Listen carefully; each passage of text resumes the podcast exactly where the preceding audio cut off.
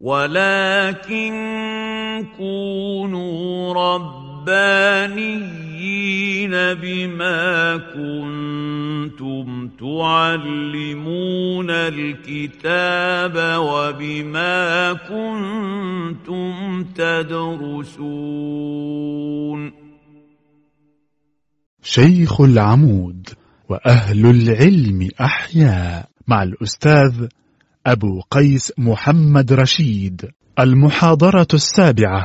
وقد انعقدت هذه المحاضرة يوم الجمعة بتاريخ السابع والعشرين من أبريل عام 2018 من الميلاد الموافق الحادي عشر من شعبان من عام 1439 من الهجرة بعد صلاة الجمعة. بمدرسة شيخ العمود بحي العباسية محافظة القاهرة. السلام عليكم ورحمة الله وبركاته. عمتم مساء. سما لك شوق بعدما كان أقصرا وحلت سليمة بطن قو فعرعرة كنانية بانت وفي الصدر ودها مجاورة غسان والحي يعبره بعيني ضعن الحي لما تحملوا لدى جانب الأفلاج من جنب تيمرة. فشبهتهم في الآل لما تكمشوا حدائق دوم أو سفينا مقيرة أو المكرعات من نخيل ابن يامن دوين الصفا اللائي يلين المشقرة. سوامق جبار أثيث فروعه وعالين قنوانا من البسر أحمر. حمته بنو الربداء من آل يامن. بأسيافهم حتى أقر وأوقر. وأرضى بني الربداء واعتم زهوه وأكمامه حتى إذا ما تهصر أطافت به جيلان عند قطاعه تردد فيه العين حتى تحير كأن دمى سقف على ظهر مرمر كسى مزبد الساجوم وشيا مصورا. غرائر في كن وصون ونعمة يحلين ياقوتا وشذرا مفقرا. وريح سنا في حقة حميرية تخص بمفروك من المسك أذفرا وبانا وألويا من الهند ذاكيا ورندا ولبنى والكباء المقترا. غلقن برهن من حبيب به ادعت سليما فأمسى حبلها قد تبترا. وكان لها في سالف الدهر خلة يسارق بالطرف الخباء المسترا. إذا نال منها نظرة ريع قلبه كما ذعرت كأس الصبوح المخمرة. نزيف إذا قامت لوجه تمايلت. تراشي الفؤاد الرخص ألا تختر. أسماء أمسى ودها قد تغير. سنبدل إن أبدلت بالود آخر. تذكرت أهل الصالحين وقد أتت على خمل خوص الركاب وأوجرا فلما بدت حوران في الآل دونها نظرت فلم تنظر بعينيك منظرا تقطع أسباب اللبانة والهوى. عشية تجاوزنا حماة وشيزر بسير يضج العود منه يمنه. أخو الجهد لا يلوي على من تعذر. ولم ينسني ما قد لقيت ضعائنا وخملا لها في القر يوما مخدرا فدع ذا وسل الهم عنك بجسرة ذمول إذا صام النهار وهجر. كأثل من الأعراض من دون بيشة ودون الغمير عامدات لغضورا فدع ذا وسل الهم عنك بجسرة. ذمول إذا صام النهار وهجر. تقطع غيطانا كأن متونها إذا أظهرت تكسى ملاء منشرا. بعيدة بين المنكبين كأنها ترى عند مجرى الظفر هرا مشجرا. تطاير ذران الحصى بمناس من صلاب العجى ملثومها غير أمعرا. كأن الحصى من خلفها وأمامها إذا نجلته رجلها خذف أعصرا. كأن صليل المرو حين تطيره صليل زيوف ينتقدن بعبقرا. عليها فتى لم تحمل الأرض مثله أبر بميثاق وأوفى وأصبر. هو المنزل الألاف من جو ناعط بني أسد حزنا من الأرض أوعرا ولو شاء كان الغزو من أرض حمير ولكنه عمدا إلى الروم أنفرا بكى صاحبي لما رأى الدرب دونه وأيقن أنا لاحقان بقيصر. فقلت له لا تبكي عينك إنما نحاول ملكا أو نموت فنعذرا وإني زعيم إن رجعت مملكا بسير ترى منه الفرانق أزورا على لاحب لا يهتدى بمناره إذا سافه العود النباطي جرجرا على كل مقصوص الذنابى معاود بريد السرى بالليل من خيل بربرا أقبك سرحان الغضا متمطر ترى الماء من أعطافه قد تحدرا إذا زعته من جانبيه كليهما مشى الهيدبا في دفع كفه ثم فرفرا إذا قلت روحنا أرن فرانق على جلعد واهي الأباجل أبترا لقد أنكرتني بعلبك وأهلها. ولابن جريج في قرى حمص أنكرا نشيم بروق المزن أين مصابه؟ ولا شيء يشفي منك يا ابنة عفزرة. من القاصرات الطرف لو دب محول من الذر فوق الإتب منها لأثر له الويل إن أمسى ولا أم هاشم. قريب ولا البسباسة ابنة يشكرا أرى أم عمرو دمعها قد تحدر. بكاء على عمرو وما كان أصبرا إذا نحن سرنا خمس عشرة ليلة وراء الحساء من مدافع قيصرا إذا قلت هذا صاحب قد رضيته وقرت به العينان بدلت آخرا كذلك جدي ما أصاحب صاحبا من الناس إلا خانني وتغيرا وكنا أناسا قبل غزوة قرمل ورثنا الغنى والمجد أكبر أكبرا وما جبرت خيلي ولكن تذكرت مرابطها من بربعيس وميسرا. ألا رب يوم صالح قد شهدته؟ بتأذف ذات التل من فوق طرطرا ولا مثل يوم في خضاران ظلته كأني وأصحابي على قرن أعفرا. ونشرب حتى نحسب الخيل حولنا نقادا وحتى نحسب الجون أشقرا. نحن في المحاضرة الماضية المجلس الماضي انتهينا من فصل الفصل الذي تحدث فيه عن رحلته وهو الفصل الذي كان يعاند فيه وكأنه ينقلب على حاله من وقوفه على الأطلال وبكائه. على الأطلال وذلك حينما قال فدع ذا. فهو سيقول فدع ذا ولكنه سينتهي إلى مواجهة ويقطع رحلة طويلة تدل ويستوفي فيها غضبة كانت في نفسه وحماسة كانت في نفسه وكذا ولكنه سينتهي إلى نهاية هذا الفصل يجد نفسه في مواجهة مع هذا الحاضر الذي كان سببا في إنشاد المقدمة وفي البكاء على الماضي وفي البكاء على الضعائن الذي أصلا انقلب عليه بهذه بهذه الرحلة وبفصل الناقة. يعني هو انتهى من فصل الناقة لا ليواجه الذكرى مرة أخرى بل ليواجه سبب الذكرى. لأنه ماذا قال في آخر فصل في الناقة؟ ماذا قال في وصف الرحلة؟ قال عليها قال ولو شاء كان الغزو من أرض حمير. هو استطرد في الفصل. فواجه واقعه مرة أخرى. قال ولو شاء كان الغزو من أرض حمير ولكنه عمدا إلى الروم أنفر وهو مت... قال كما استعرضنا من استظهرنا من القصيدة ومن تمثلها أنه قال هذه القصيدة وهو بالفعل في ملابسة هذه الرحلة.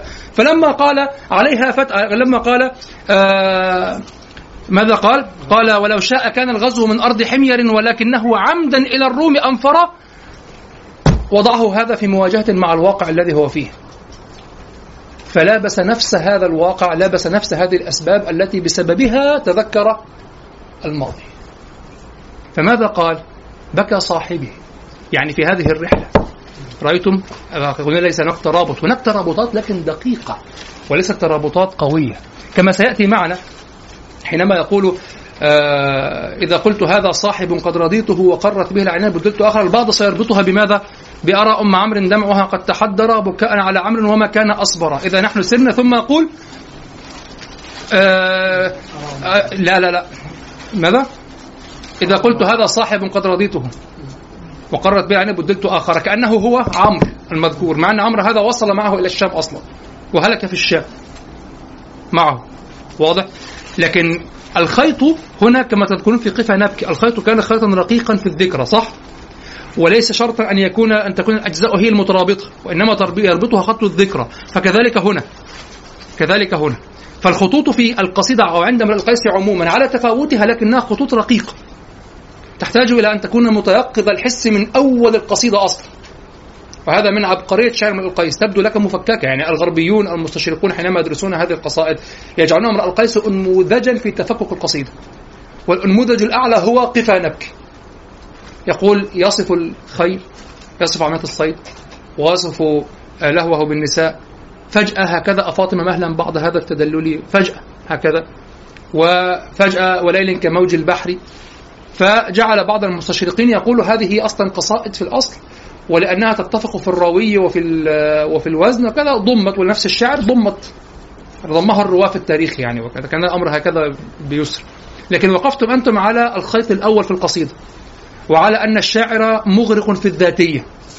وعلى أن الأدوات على خفاء بعض أو على اختفاء بعضها وعلى دقة بعضها مع وجوده مع اختفاء بعضها رب تحذف كثيرا في كلامهم. فهذه محذوفة ليست موجودة ليست مرئية. وعلى أن بعضها مرئي لكن دلالته خفية لكن كلها المحذوف والمختفي أو المختفي والخفي الذي يدق كله يتفق في نفس الخط من أول قفة نبكي من ذكرى كله يتفق في خط الذكرى كذلك هنا لكن هنا أوضح قليلا هو انتهى في الفصل السابق بقوله ماذا؟ ولذلك أنا أقول لكم الروايات الأصمعية هي أضبط الروايات وأنا إن شاء الله في المجلس الأخير آه، سأستعرض معكم الروايات الأخرى. لأقول لكم انظروا كيف الروايات الأصمعية هي الأضبط هنا. نعم. وهي الأكثر في هذا على الخلاف على العكس هي الأكثر أيضا في عدد الأبيات. الأخرى تجد تشعر أنها بقايا قصيدة واختلطت. أما هذه لا. الروايات الأصمعية لا. مضبوطة جدا. نعم. فهو قال ماذا؟ قال ولو شاء كان الغزو من أرض حمير ولكنه عمدا إلى الروم أنفر. أنفر يعني أسرع. انتهى خلاص. خرج من مكانه وأنفر طيب وماذا لقيت أنت؟ بكى صاحبي لما رأى الدرب دونه. قال بكى صاحبي لما رأى الدرب دونه وأيقن أنا لاحقان بقيصرة. بكى صاحبي. من هو صاحبه؟ الذي في كتب الذي في الشروح والذي في طبقات حل الشعراء وكذا أن صاحبه هو عمرو بن قميء وهذا فيه إشكالية في الحقيقة في في المعلومات التاريخية. لأن المعروف المصادر تجمع على أن عمرو بن قميء كان رجلا مسنا ربما قرب التسعين. ويقولون إنه كان نديما لوالده كان خادما عند والده. واضح؟ وأن امرأ القيس مرة لكن أيضا انظر التضارب يعني ما يقوله الأعلم هنا وهو ما هو موجود في الأغاني وبعض المصادر.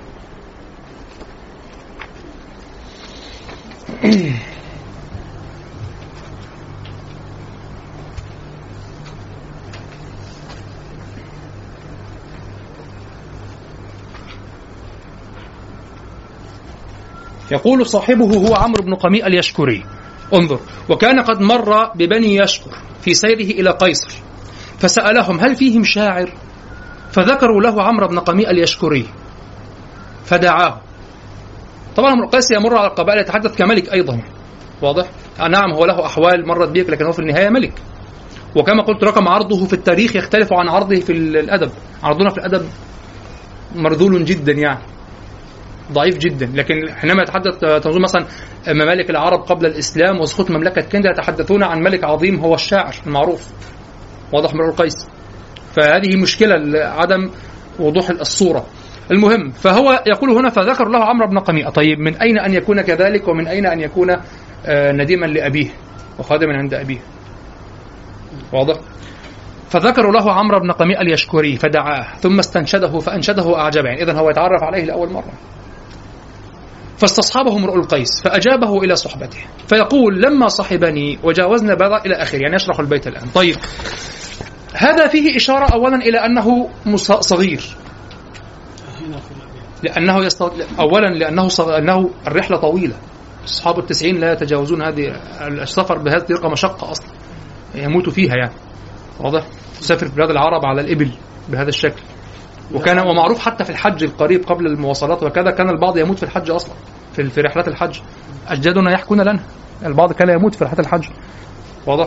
كمان وصف حال الناقة زي واحد مسن يركب وحال الناقة كده.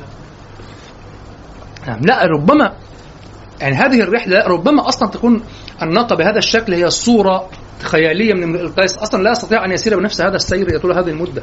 الناقة نفسها تهلك. واضح؟ لكن أقصد لكن هو يريد أن يقول لك هذه نفسيتي يعني. إذا قلت لك هذا تصوير عالي تصوير فني عالي. لكن اولا استصحابه في الرحلة يدل على أنه ليس صغيرا. هذا أول شيء. الشيء الثاني الشيء الثاني آه قوله بعد ذلك أرى أم عمرو؟ قالوا أيضا الشراح قال هو عمرو بن قميء أرى أم عمرو دمعها قد تحضر. أي ما كيف يكون في التسعين وأمه تبكي عليه؟ يعني إذا كانت إذا كانت حية أصر بها لم تعرف لم تدرك تدرك أنه خرج أصلا. في هذه الرحلة. أرى أم عمرو دمعها قد تحضر بكاء على عمرو. واضح وسيأتي شرح البيت إن شاء الله. فهناك إشكالية كبيرة في تحديد هذا يعني هل هو كبير؟ رجل كبير أم ماذا؟ في الحقيقة كل هذا لا يعنينا. ولا يعنينا أن يكون صاحبه هنا أصلا هو عمرو بن قميئة كما لم يعنينا في قوله تعالى وجاء رجل من أقصى المدينة يسعى قال يا قوم اتبعوا مرسلين. من لا نعرف اسمه لا يعنينا أصلا. لو كان يعنينا اسمه لذكره الله تعالى كما ذكر أسماء الأنبياء. وليس كل الأنبياء أصلا ذكر فقط أحيانا تكون تريد أن تأخذ المعلومة أن نبي لبني إسرائيل فعل كذا. من هو؟ غير مؤثر. وإنما تذكر أسماء الأنبياء الذين المسلمين وضع خاص معهم كإبراهيم وإسماعيل. واضح؟ لكن لا تذكر أسماء كل الأنبياء. نبي لبني إسرائيل. رجل من أقصى مدينة يسعى.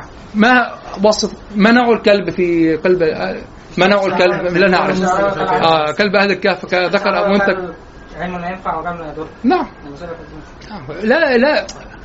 وهناك من بلغ في هذا الأستاذ سيد قطب رحمه الله في الظلال يعني آه، نبه إلى هذا ولكنه بالغ أحيانا هو كان رجلا جادا جدا.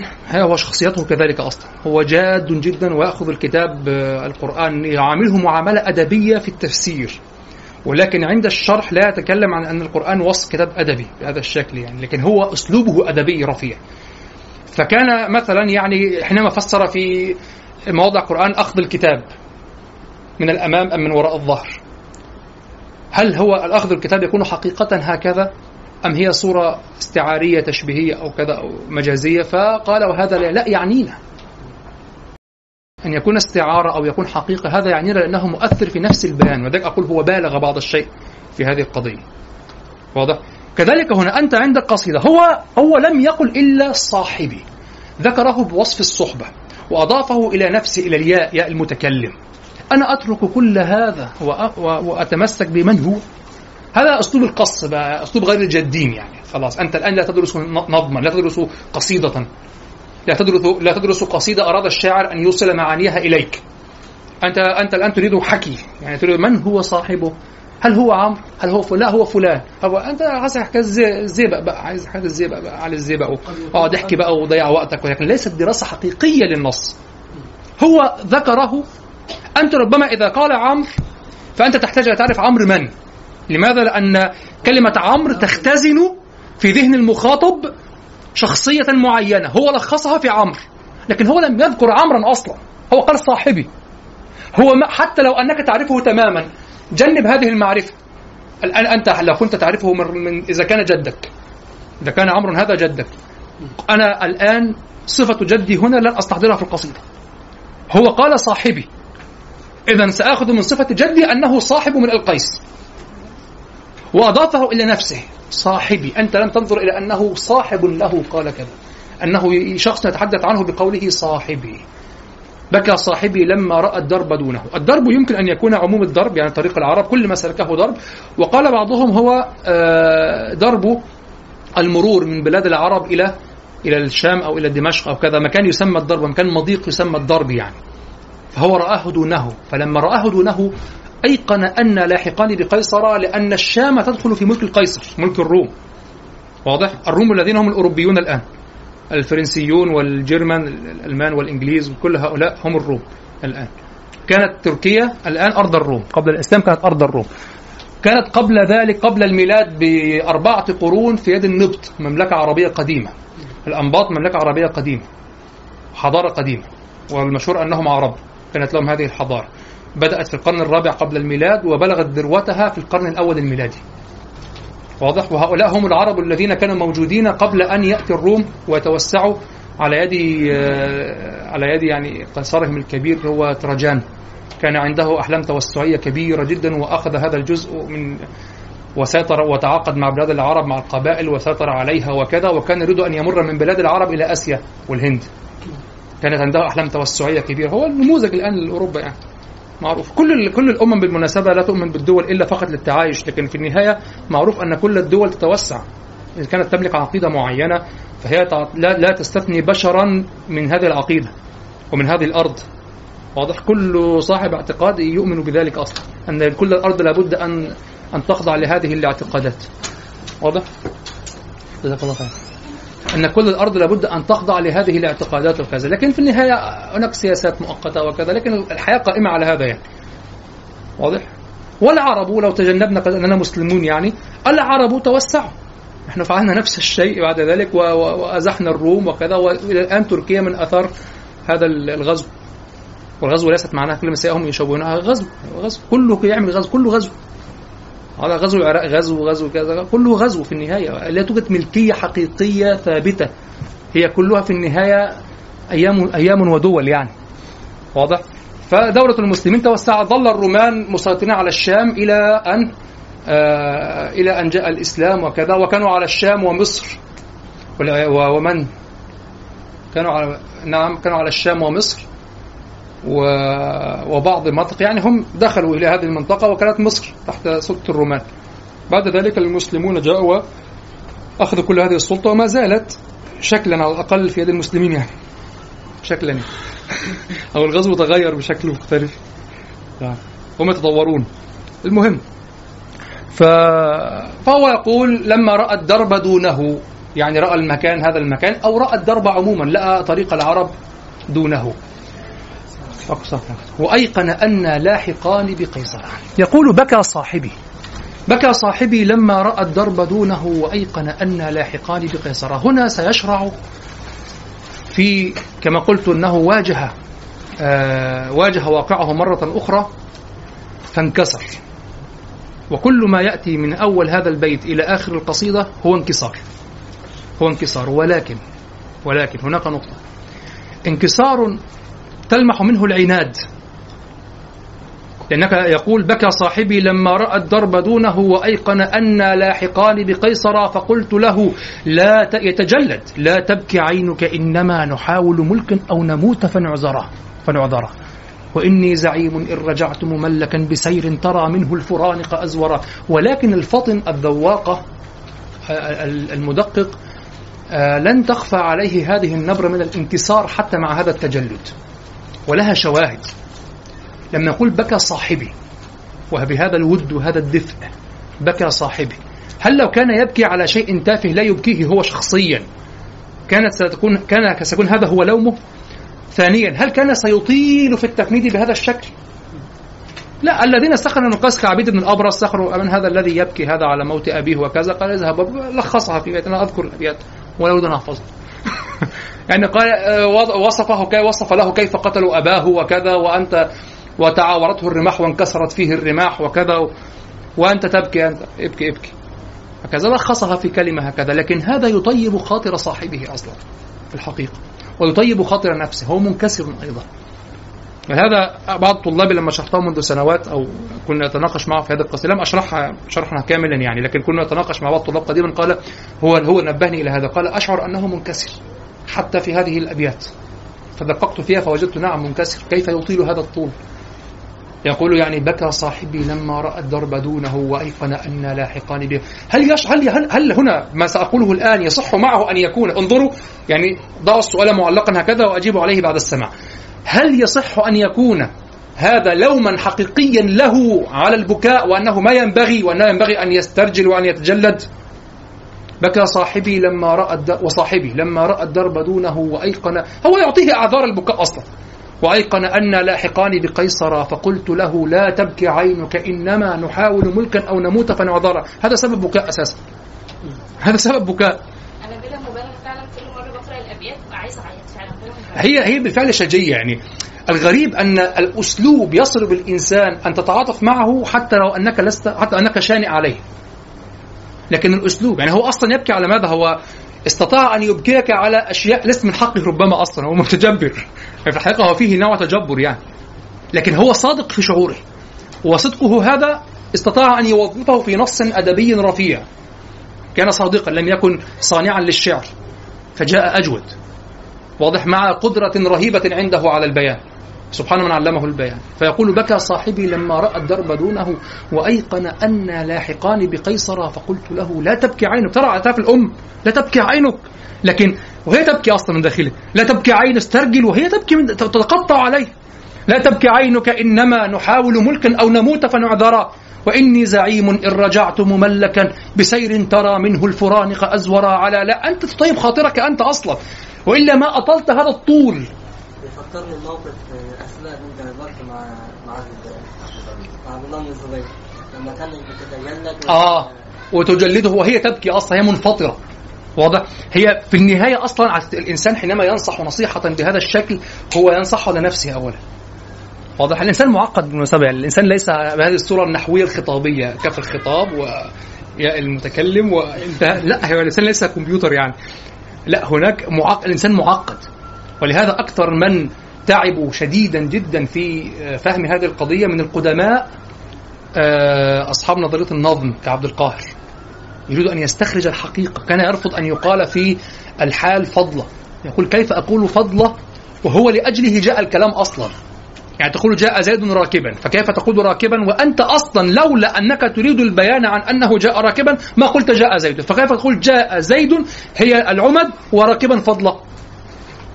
هي في النهاية صناعة يعني فضلة صناعية لن تضر كثيرا. لكن هو رفض هذا أيضا. قال لا هي العمد هنا. هي التي يدور عليها الفعل والفاعل أصلا. واضح؟ ومن الحدثيين الأسلوبيون. من المحدثين الأسلوبيون. الذين تعبوا جدا في فهم ما هو النص ما هو الأسلوب. كيف يكون لكل شاعر أسلوب؟ وهو يستعمل ليس نفس الألفاظ بل نفس التراكيب نفس القواعد النحوية في العلم. كيف؟ ما ما هي مغذيات السياق لنفهم؟ مدلولات النص تقف على ماذا؟ هنا ترى البنيوية تتعارك مع الأسلوبية تتعارك مع كذا كلها مدا كلها مدارس في فهم النص ويأتي نعوم تشومسكي بالنحو التوليدي وكذا قضايا قضايا معقدة في النقد الحديث لكنها مهمة جدا وكلها تدخل في دراسة النظم نظم الشعر القديم ولها ظلال في هذه النظرية عبد القاهر سبق بقرون كثيرة جدا واضح؟ كلها لها نظرية ليس فقط من باب التعصب للإسلام أنا مستعد أن أقول كنا نعيش تخلف ونورنا من الآن. لو أن هذه حقيقة سأقول أنا لن أهين نفسي تاريخيا وعلميا أن أدعي فقط لنعرة دينية فقط هكذا. لا نحن الصواب نحن إحنا لا إحنا فاهمين كل حاجة. إحنا أغلب اللي بيتكلم في الشيوخ في الإعجاز ومش عارف إيه ما يجرؤش يقدم بيه ورقه الجامعة محترمة. موضوع التحليلات وكذا اللي أثبتنا بها فوائد السواك اللي بيشفي من السرطان كمان. حاجات تحس إنها هيشفيك من السرطان كمان وحبة البركة اللي بتجيب كل حاجة. بتشفي من كل حاجة. ومش عارف إيه وفوائد التمر اللي عدت المكوك الفضائي. أي حاجة لها علاقة بال وردت في السنة مش هي علاقة بالسنة الهادية. وردت في السنة الاصطلاحية اللي هي مع كأن فيش حاجة اسمها أمر ارشاد كأن فيش حاجة اسمها كذا. ونص الاصوليون على أن أمر الإرشاد يرد فيه خطأ النبي صلى الله عليه وسلم. وكذا وكذا. يا رسول الله انظر إلى فهم الصحابي لما قال له أمنزل أنزلكه الله أم المكيده والحرب؟ قال بل المكيده والحرب. قال بل ليس المنزل. خطأ. ولما نصحهم نصيحة في النخل وكذا ف يعني لم تؤتي ثمارها فقال أنتم أدرى بأمور دنياكم جهة بشرية بحتة يعني. أقول هذا مثال فقط على هذه النقاط لكن البعض يكون بعض الأشياء تكون صحيحة لكن يبالغ فيها. هذه الاشياء ستظل أنت ككذا شعب يعني شغل دول متخلفة. وبالضبط ولا تستطيع أن تقدم بها ورقة علمية معينة. فأنا أستطيع أن أقول هذا كان بالفعل أرى أن كل النظريات الحديثة هي تطوير هي بالفعل تطوير. يعني هذه لا تهدر. لكن لها ظل لها جذور لها تصور في أصولها في أذهان أو في ذهن عبد القاهر. ويصح أن أقول أذهان عبد القاهر. جرجاني أذهان عبد القاهر. ولكن قضية تعبير أو قضية عدم تصور أن هذا سيحتاج إلى سيحتاج إلى أن أشرحه. هو كأنه كأنك عندك استعداد أن تفهم الفكرة فأطرح لك الفكرة. واضح؟ ليست ساذجة كما يظن البعض. الشيء الوحيد الذي أرى أن عبد القاهر لم يصل إليه أن يثبت مرتبة الإعجاز مع أنه ألف كتاب في الإعجاز وكل يقول هو أثبت الإعجاز لا هو عندي لم يثبت الإعجاز. لم يستطع أن يصل إلى مرحلة إثبات الإعجاز. دار حولها كثيرا كالباقلاني لكن لم يصل إليها. بعد ذلك في نظر في كل ما يتعلق بلسانيات النص موجود عند عبد القاهر. كل وقد يكون هو الطريق إلى إثبات الإعجاز. هذا شيء يعني سابق أوائله لكن نفس نفس الإعجاز لا. لكن لسانيا وعلوم اللسانيات الحديثة وكذا لها ظلال. هذه كلها كالشرح لها كالتفصيل. لكن لها يعني لم لم آه يعني لم آه لم يكونوا مخترعيها لم يكونوا مكتشفيها. لها ظلال قديمة على الأقل ولو بالدلالة المجملة التي تدلني على أن الفكرة كانت في رأسه لكن هو لم ينتبه إلى أنها تحتاج إلى شرح. ليست لبساطتها ربما جاءت وراء أنها ليست المهمة هنا يعني مثلا يعرج على قضية الأسلوب وكذا تعريجا بعيدا يفصله مرحلة أو مرحلتين عن يفصله مرحلة أو مرحلتين عن طريقة البيان العصريه. الآن شرح الشرح وهذا ضروري جدا لكن الأصول موجودة الفكرة في راسه. واضح؟ هذا هو ونحن اقتصرنا فقط على الشكل البلاغي البلاغة التقريرية التي تلخصت في تلخيص المفتاح وكذا وانتهى الأمر الأمر ليس كذلك أصلا. هناك أبواب كبيرة منفتحة حاول أن يفتح بعضها الدكتور محمد أبو موسى في كتابه آه، المسكوت عنه في الدرس البلاغي وفي بعض كتبه. لكن هي أيضا ما زالت محاورات متواضعة جدا بالنسبة للحقيقة ال- التي ينبغي أن نسلكها. ولا مناص من أن نفهم بعض الطرق التي يكتب بها ال- الغربيون الآن في علم الأسلوب والعلوم اللسانيات. الأسلوب واللسانيات كلها تقريبا لو نزعت المصطلحات ونزعت التفصيل أصولها عند عبد القاهر. لكن هي شرح يوضح لك كثيرا خاصة في قضية الأسلوب. فانظر هنا أنت الآن تطيل في الكلام. لو أنك أخذت بيتا بيتا ووقفت عنده ما فعلت شيئا. لكن أنت الآن تطيل في الكلام. فهل أنا أستطيع هنا الآن أن آخذ هذا ال- اللوم على ظاهره؟ لا تبكي عينك إنما نحاول ملك الأنوت يعني عيب عليك أن تفعل. لا هو في الأخير هو من كل تكن إنسان معقد واللغة معقدة بتعقيد الإنسان. واضح؟ بكى صاحبي لما رأى الدرب دونه وأيقن أن لاحقان بقيصرة انظر هذا الود في كلمة صاحبي أن يصفاه بالصاحب والإضافة إلى الإضافة إلى ياء المتكلم. بكى صاحبي.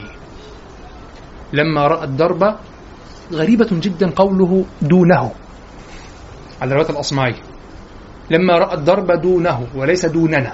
هناك رواية دوننا لكن لما رأى الدرب دونه يعني دونه هو ليس دوني أنا. وهذا هو المتسق مع السياق وهو الأرجح في الرواية. يقول بكى صاحبي لما رأى الدرب دونه. ماذا أوحى إليك؟ الحقيقة أن الدرب دونهما صح. لكن أوحى لك هو الذي نظر. ليس أنا. هو الذي التفت. هو الذي يبكي. رأى الدرب دونه. أليس دونك؟ كأنه ليس دوني أصلا.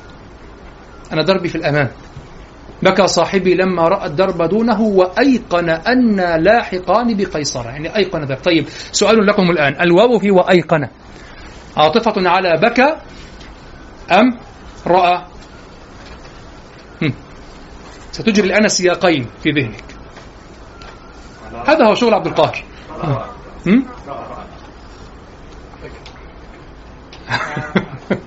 السياقان صالحان باعتبار الأصل. لكن تخيل طيب من يشرح الآن من سيقول على كذا سيشرح المعنى ويبين لماذا هو ويشرح الآخر ويقول الآخر لا هو أرجح من هذا. يعني سيشرح المعنى سيشرح الإضافتين أو العطفين. رأى أرجح لأن رأى الفعل الرؤيا أصلا ما على أعد الصياغة إذا أضفت على رأى. إذا عطفت على رأى. لا هي على بكر على بكى؟ صحيح لما هو رأى الضرب دونه فأيقن آه. يعني بكى صاحبي لما رأى الضرب دونه هو هو يعني هي على بكى أم أيق أم رأى؟ رؤيته هي السبب في البكاء وفي وفي التيقظ. يبقى كده على بكر يبقى إذن على على على رأى. على رأى أم بكى. يعني بكى لما رأى الضرب وأيقن. يعني لما رأى الضرب وأيقن بكى. طيب لحظة. على الآخر على رأى. بكى صاحبي لما رأى الضرب دونه ولما أيقن. طب إيه؟ يعني هناك معنيان. بكى صاحبي متى؟ سؤال. متى؟ لما رأى الضرب دونه وأيقن أن لاحقان بقيصر. هذا بإضافة بالعطف على رأى. يعني لما رأى وأيقن بكى. طيب. بالإضافة على بالإضافة بالعطف على بكى. بكى يعني لما رأى بكى وأيقن أن لاحقان بقيصرة ليه لا؟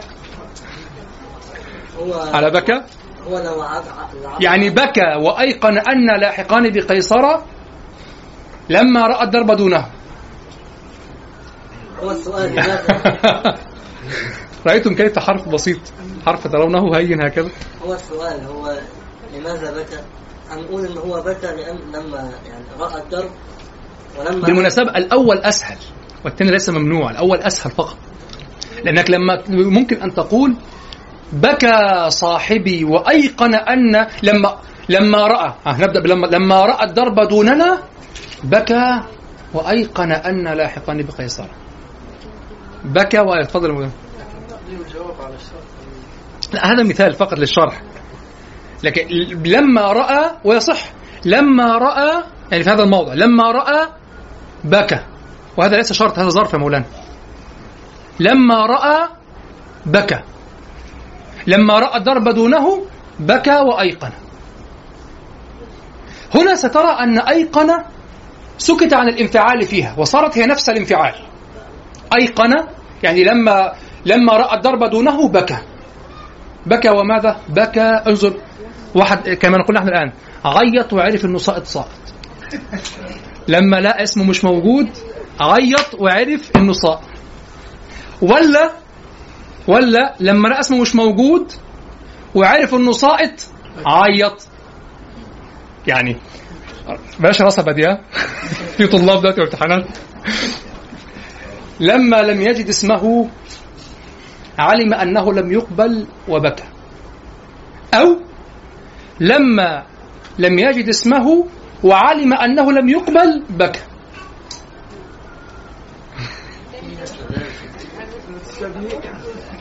لا لا مش قريبين.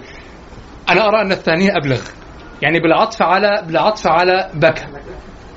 بكى وأيقن لما رأى الضرب دونه. وليس أنه لما رأى الضرب وليس أنه لما رأى الضرب دونه وأيقن بكى. هذه عادية. صح؟ لما رأى الضرب دونه وأيقن. شوف لما رأى لما لم يجد اسمه في الك... في ال... في الورقه وعلم أنه لم يقبل بكى. هذا عادية. لكن انظر لما لم يجد اسمه في الورقة علم أنه لم يقبل وبكى. الواو هنا تشبه أن تكون فبكى. رتبها عليها. فكره لو عادت على البكاء حاسه كان موقف شديد كده يعني هو العطف على بكى آه، يجعل البكاء مستقلا. آه فتحس إن هو لأ في حاجة جنة الأول أسرع للذهن ومنطقي أكثر لكن العادي. وأول باب في الشعر شرف المعنى. أن الشعر أن الباب لابد المعنى لابد أن يكون هائجا أصلا. الشعر لغة عاطفية. حتى الأسلوبيون في الآن في دراستهم يقولون هناك ما يسمى بالعناصر العاطفية في الشعر. تي اس إليوت يقول الشعر لغة قومية. الشعر لغة قومية. ما معنى لغة قومية؟ قال لا يمكن أن تترجم.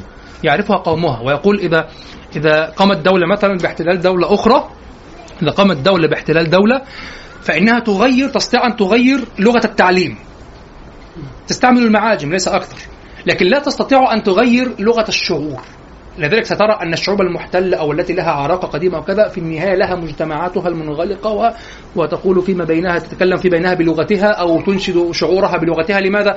لأن ال- ال- الشعر لأن الشعر اللغة المعجمية هي من مكوناته وليست كل المكونات وهذا هو سبب اتخاذ موقفا عنيفا شديدا ضد ما يسمى بقصيدة النثر أو الشعر الحر أو كذا أن هذه عناصر عربية قديمة كونك لم تتقنها أو لم تفهمها أو لو أو توافق أو لا توافق ما ما تحولت أنت إليه في هذا الزمن أو كذا لا يعني أنك ترفعها وأن تصف شعرك بالعربية أيضا.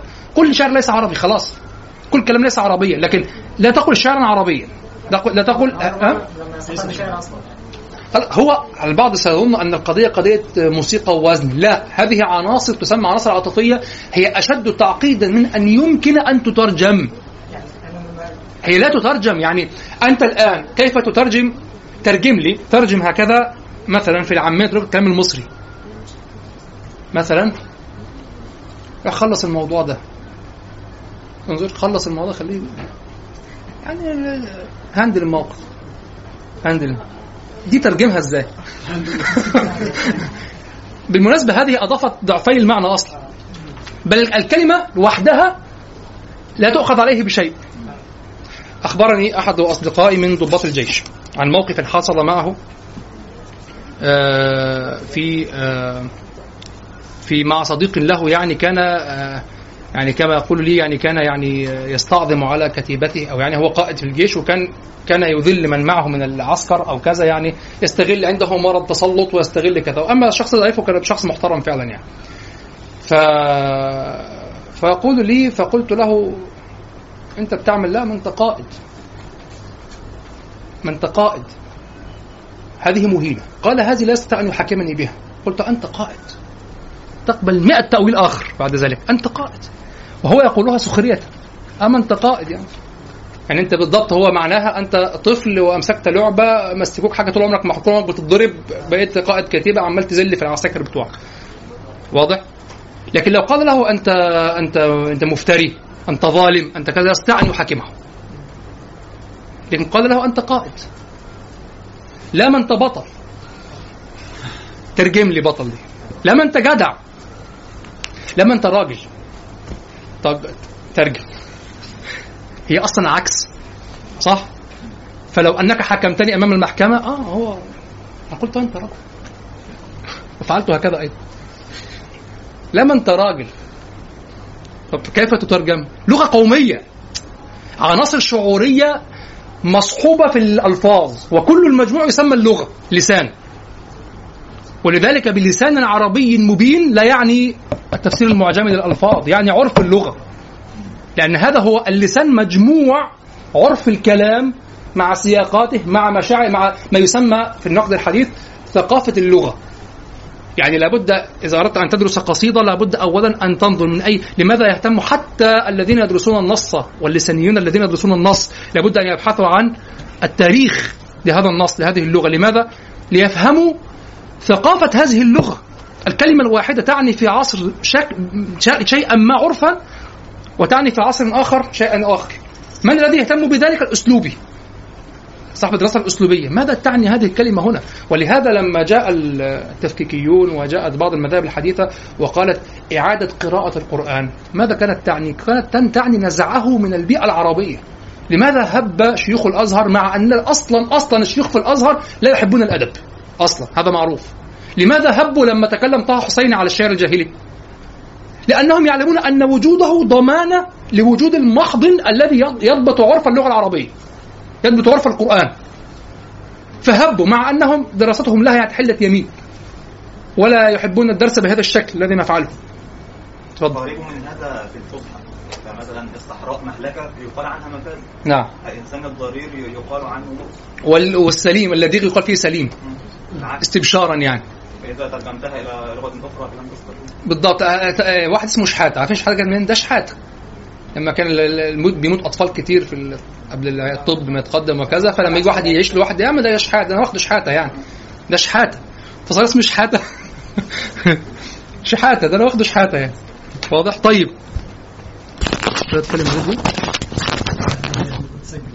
مش تحب يا بني تسجل أكيد طيب. ف كذلك هنا بكى صاحبي انظر كلمة صاحبي والعرف في الكلام وما استطرد به بعد ذلك. بكى صاحبي لما رأى الدرب دونه هو وأيقن أن لاحقان بقيصرة. طيب وأنتم وشأنكم بعد ذلك في وأيقن على أي شيء تعطف. أنا أعطفه على البكاء. بكى صاحبي أو لا أعطفه على ال- رأى لا على ماذا؟ على بكى على بكى نعم. بكى صاحبي. وأيقن أن لا لا لا. على على راء على راء بكى صاحبي. بكى صاحبي. لم لا على على بكى نعم. أصلا قبل أن آتي لم أكن في رأسي شيء. لكن أنا ملت في المجلس يعني. لا أنا كاتب أصلها يعني مش هنساها إن شاء الله. طيب بكى صاحبي لما رأى الدرب دونه. يعني أنا أفسرها على آه لما رأى الدرب دونه بكى وأيقن. هذا هو. فاذا عطفته على على بكى. نعم. بكى صاحبي لما رأى الدرب دونه. ولذلك أخرها. وأيقن أن يعني بكى وأيقن. وأيقن أن لاحقان بقيصر. فجاءه الجواب سريعا مصحوبا بالفاء. التي تفيد السرعة بمعناها وبصوتها. فقلت له لا تبكي عينك إنما نحاول ملكا أو نموت فنعذره طيب لا تبكي عينك. فقلت له لا تبكي. وهذه الفاء فاء العطف تفيد التعقيب هنا. يعني فقلت له مباشرة. فقلت له لا تبكي عينك إنما نحاول ملكا أو نموت فنعذر. ال- العطف ال- ال- النصب في نموت بأن المضمرة وجوبا بعد أو. التي بمعنى ماذا؟ أو هنا تأتي بمعنى إلا وبمعنى إلى. واضح؟ إلى كما الشواهد المشهورة جدا في النحو. آه وكنت إذا غمزت قناة قوم آه كس آه وكنت إذا غمزت قناة قوم كسرت قعوبها أو تستقيم. يعني إلى أن إلا أن تستقيم. وقال لا يصح هنا أن تقول إلا. أو لا يصح أن تقول إلى. يصح أن تقول إلى. إلا. يعني ما كنت إذا غمزت قناة قوم كسرت كعوبها إلا أن تستقيم لن أكسرها. لماذا؟ لأن الكسر لا يستمر إلى أن تستقيم. هي لن تكون موجودة أصلا. هي تنكسر- مرة واحدة. الفعل لا لا يحدث. لكن مثلا المثال الآخر في إلى ماذا؟ لا, لا أستسهلن الصعب أو أدرك المنى. يعني إل إلى إلا إلى أن أدرك المنى. يعني سأظل أستسهل الصعب إلى أن أدرك المنى. م? حتى نعم. فإذا ما كان يقبل الامتداد تقول فيه إلى وما كان يقبل لا يقبل الامتداد تقول فيه إلى وأحيانا الموضع يقبل الأمرين كما هنا. تقول نحاول ملكا إلى أن نموت فنعذره أو إلا أن نموت فنعذره. لكن ما الفرق بين السياقين؟ إذا قلت إلى وهذه لا أرجحها. إذا قلت إلى سيكون السياق سياق يأس. نحاول يعني أنت أنت تعرف أنك ستهلك. وسينتهي الأمر. ولكن سأظل أحاول الملك إلى أن أموت. هذا معنى أو هنا بمعنى إلى يعني سأظل أحاول الملك إلى أن أموت فأكون معذورا. سأتخذ الأسباب إلى كالذي تقوم عليه القيامة وفي يده آه، فسيلة وكذا. يغرزها طب لن تثمر. إلى يعني إلى أن تبعث. يعني إلى أن تحاسب؟ لماذا أنت فعلت خير؟ إلى آخر لحظة فعلت الخير. واضح؟ لا يعني هذا مثال على أنك لا, لا لست مطالبا بال بالثمرة. فإلى هنا بمعنى إلا يعني أحاول ملكا إلا يعني سأظل أحاول الملك إلا أن يحبسني عن المحاولة الموت. نحاول ملكا أو نموت فنعذر. والنعذر معطوف على نموت واضح إذن هي منصوبة بأن مضمرة وجوبا بعد بعد أو. يقول هنا أجابه مباشرة فقلت له وهكذا دون آه، دون برهة في الكلام. وهذه طريقة من القيس حتى في الغزل في هجومه على المعاني في هجومه على حبيبته وكذا. ويوم دخلت الخضر خضر عنيزة فقالت لك الويلات إنك إنك مرجلي. تقول وقد مال الغبيط بنا معا. عقرت بعيري يا امرأ القيس فانزلي. فقلت لها سيري وأرخي زمامه. واضح؟ فقلت له. وهكذا في حواره مع النساء. فقلت له يسارع. لماذا؟ لأنه لبق عنده الكلام. استطاع أن يتكلم ينتج الكلام بسرعة. فقلت له. فردوده سريعة. لا يفكر. لا ينفش الكلام حتى يستطيع أن يأخذ وقته ويفكر فيه. وكذا. فيستعمل الفاء كثيرا في الكلام في العطف للتعقيب فكذلك هنا فقلت له لا تبكي عينك. ماذا- يعني ذلك؟ أن الرد عنده جاهز لا تقل الفاء للتعقيب وك... طيب وما معناها في الكلام؟ أدبيا تفسيرها أدبيا. كيف يكون أن الرد عنده جاهز يعني أن كل ما بعده مكتسب هذا هذا التأكيد وهذا العزم. فقلت له لا تبكي عينك. وهنا الجمال. لماذا لا تبكي عينك؟ لا تبكي وخلاص. لكن وقفت كثيرا عند قوله لا تبكي عينك. يعني أنت هل تشعر بهذا الود في الكلام؟ لا تبكي عينك. وتذكر حينما قال في المعلقة ماذا؟ ففاضت دموع العين مني صبابة. تعرف لما على العكس لما تقول لشخص إيدك ما تتمدش على أختك. يعني لا تضرب أختك لكن يدك لا تمتد على أخ... يدك لا تمتد لما- لماذا اليد؟ لا ليس فقط لأنها تفعل تستطيع ان تقول لا تضربها انتهى. ده تحذير بالكل. لئن بسطت إلي يدك لتقتلني. يعني. لماذا اليد؟ يعني لماذا لا تبكي عينك؟ لماذا لا تبكي وخلاص؟ لماذا لا نقول هناك قفا تبكي أعيننا؟ لكن قفا نبكي. مش قفا تبكي أعيننا. لكن لا تبكي عينك. أنت انظر سترى أن خط الشعور عندك يسبق خط ماذا؟ خط الشعور يسبق خط خط التأويل الفهم وهذه مشكلة. تستطيع أن تشعر لكن الناقد الحق الذي يستطيع أن ينقل هذا للناس هو الذي يستطيع أن أن يعلل هذا الكلام. يعلل الشعور. أنت تشعر بالود في كلمة لا تبكي عينك صح؟ لا تبكي عينك. وت... وأيضا أنت تقر أن يقول أن المعنى الأصل المعنى صواب لو قال فقلت له لا تبكي. إنما نحاول ملكا أن نطرف نظرها. ما الفرق بين لا تبكي عينك وبين لا تبكي إنما نحاول ملكا أن نطرف نظرها؟ لا تبكي عينك إنما نحاول ملكا لا تبكي إنما نحاول ملكا. لماذا لا تبكي عينك؟ من يعرف؟ هذا ما نشعر به. ماذا؟ قرب. لا. طيب ثم ماذا يعني؟ لا تظهر يعني. كأنه يقر البكاء كأنه استحضر موقف امامه هو بالفعل معه معه أصلا هو بالفعل معه. إطالة الجملة فيها نوع من أنواع ال- يعني هو بيقول له خلاص ما تعيطش غير لا تبكي عينك يعني إطالة الجملة نفسها هو كأنه رفع من شأن العين. كما قال ففاضت دموع العين مني صبابة. وقال العين بالألف واللام وكأنها عين مطلق العين. تعظيما لها وإبعادا لها عن أن تكون عيني. واضح؟ لا تبكي عينك كأنه يقول لك عينك هذه غالية. بخلاف العكس زي قلت لكم العكس. إيدك دي ما تمتدش يعني هذه الحقيرة. هذه اليد التي تستحق القطع. لا تمتد على أختك.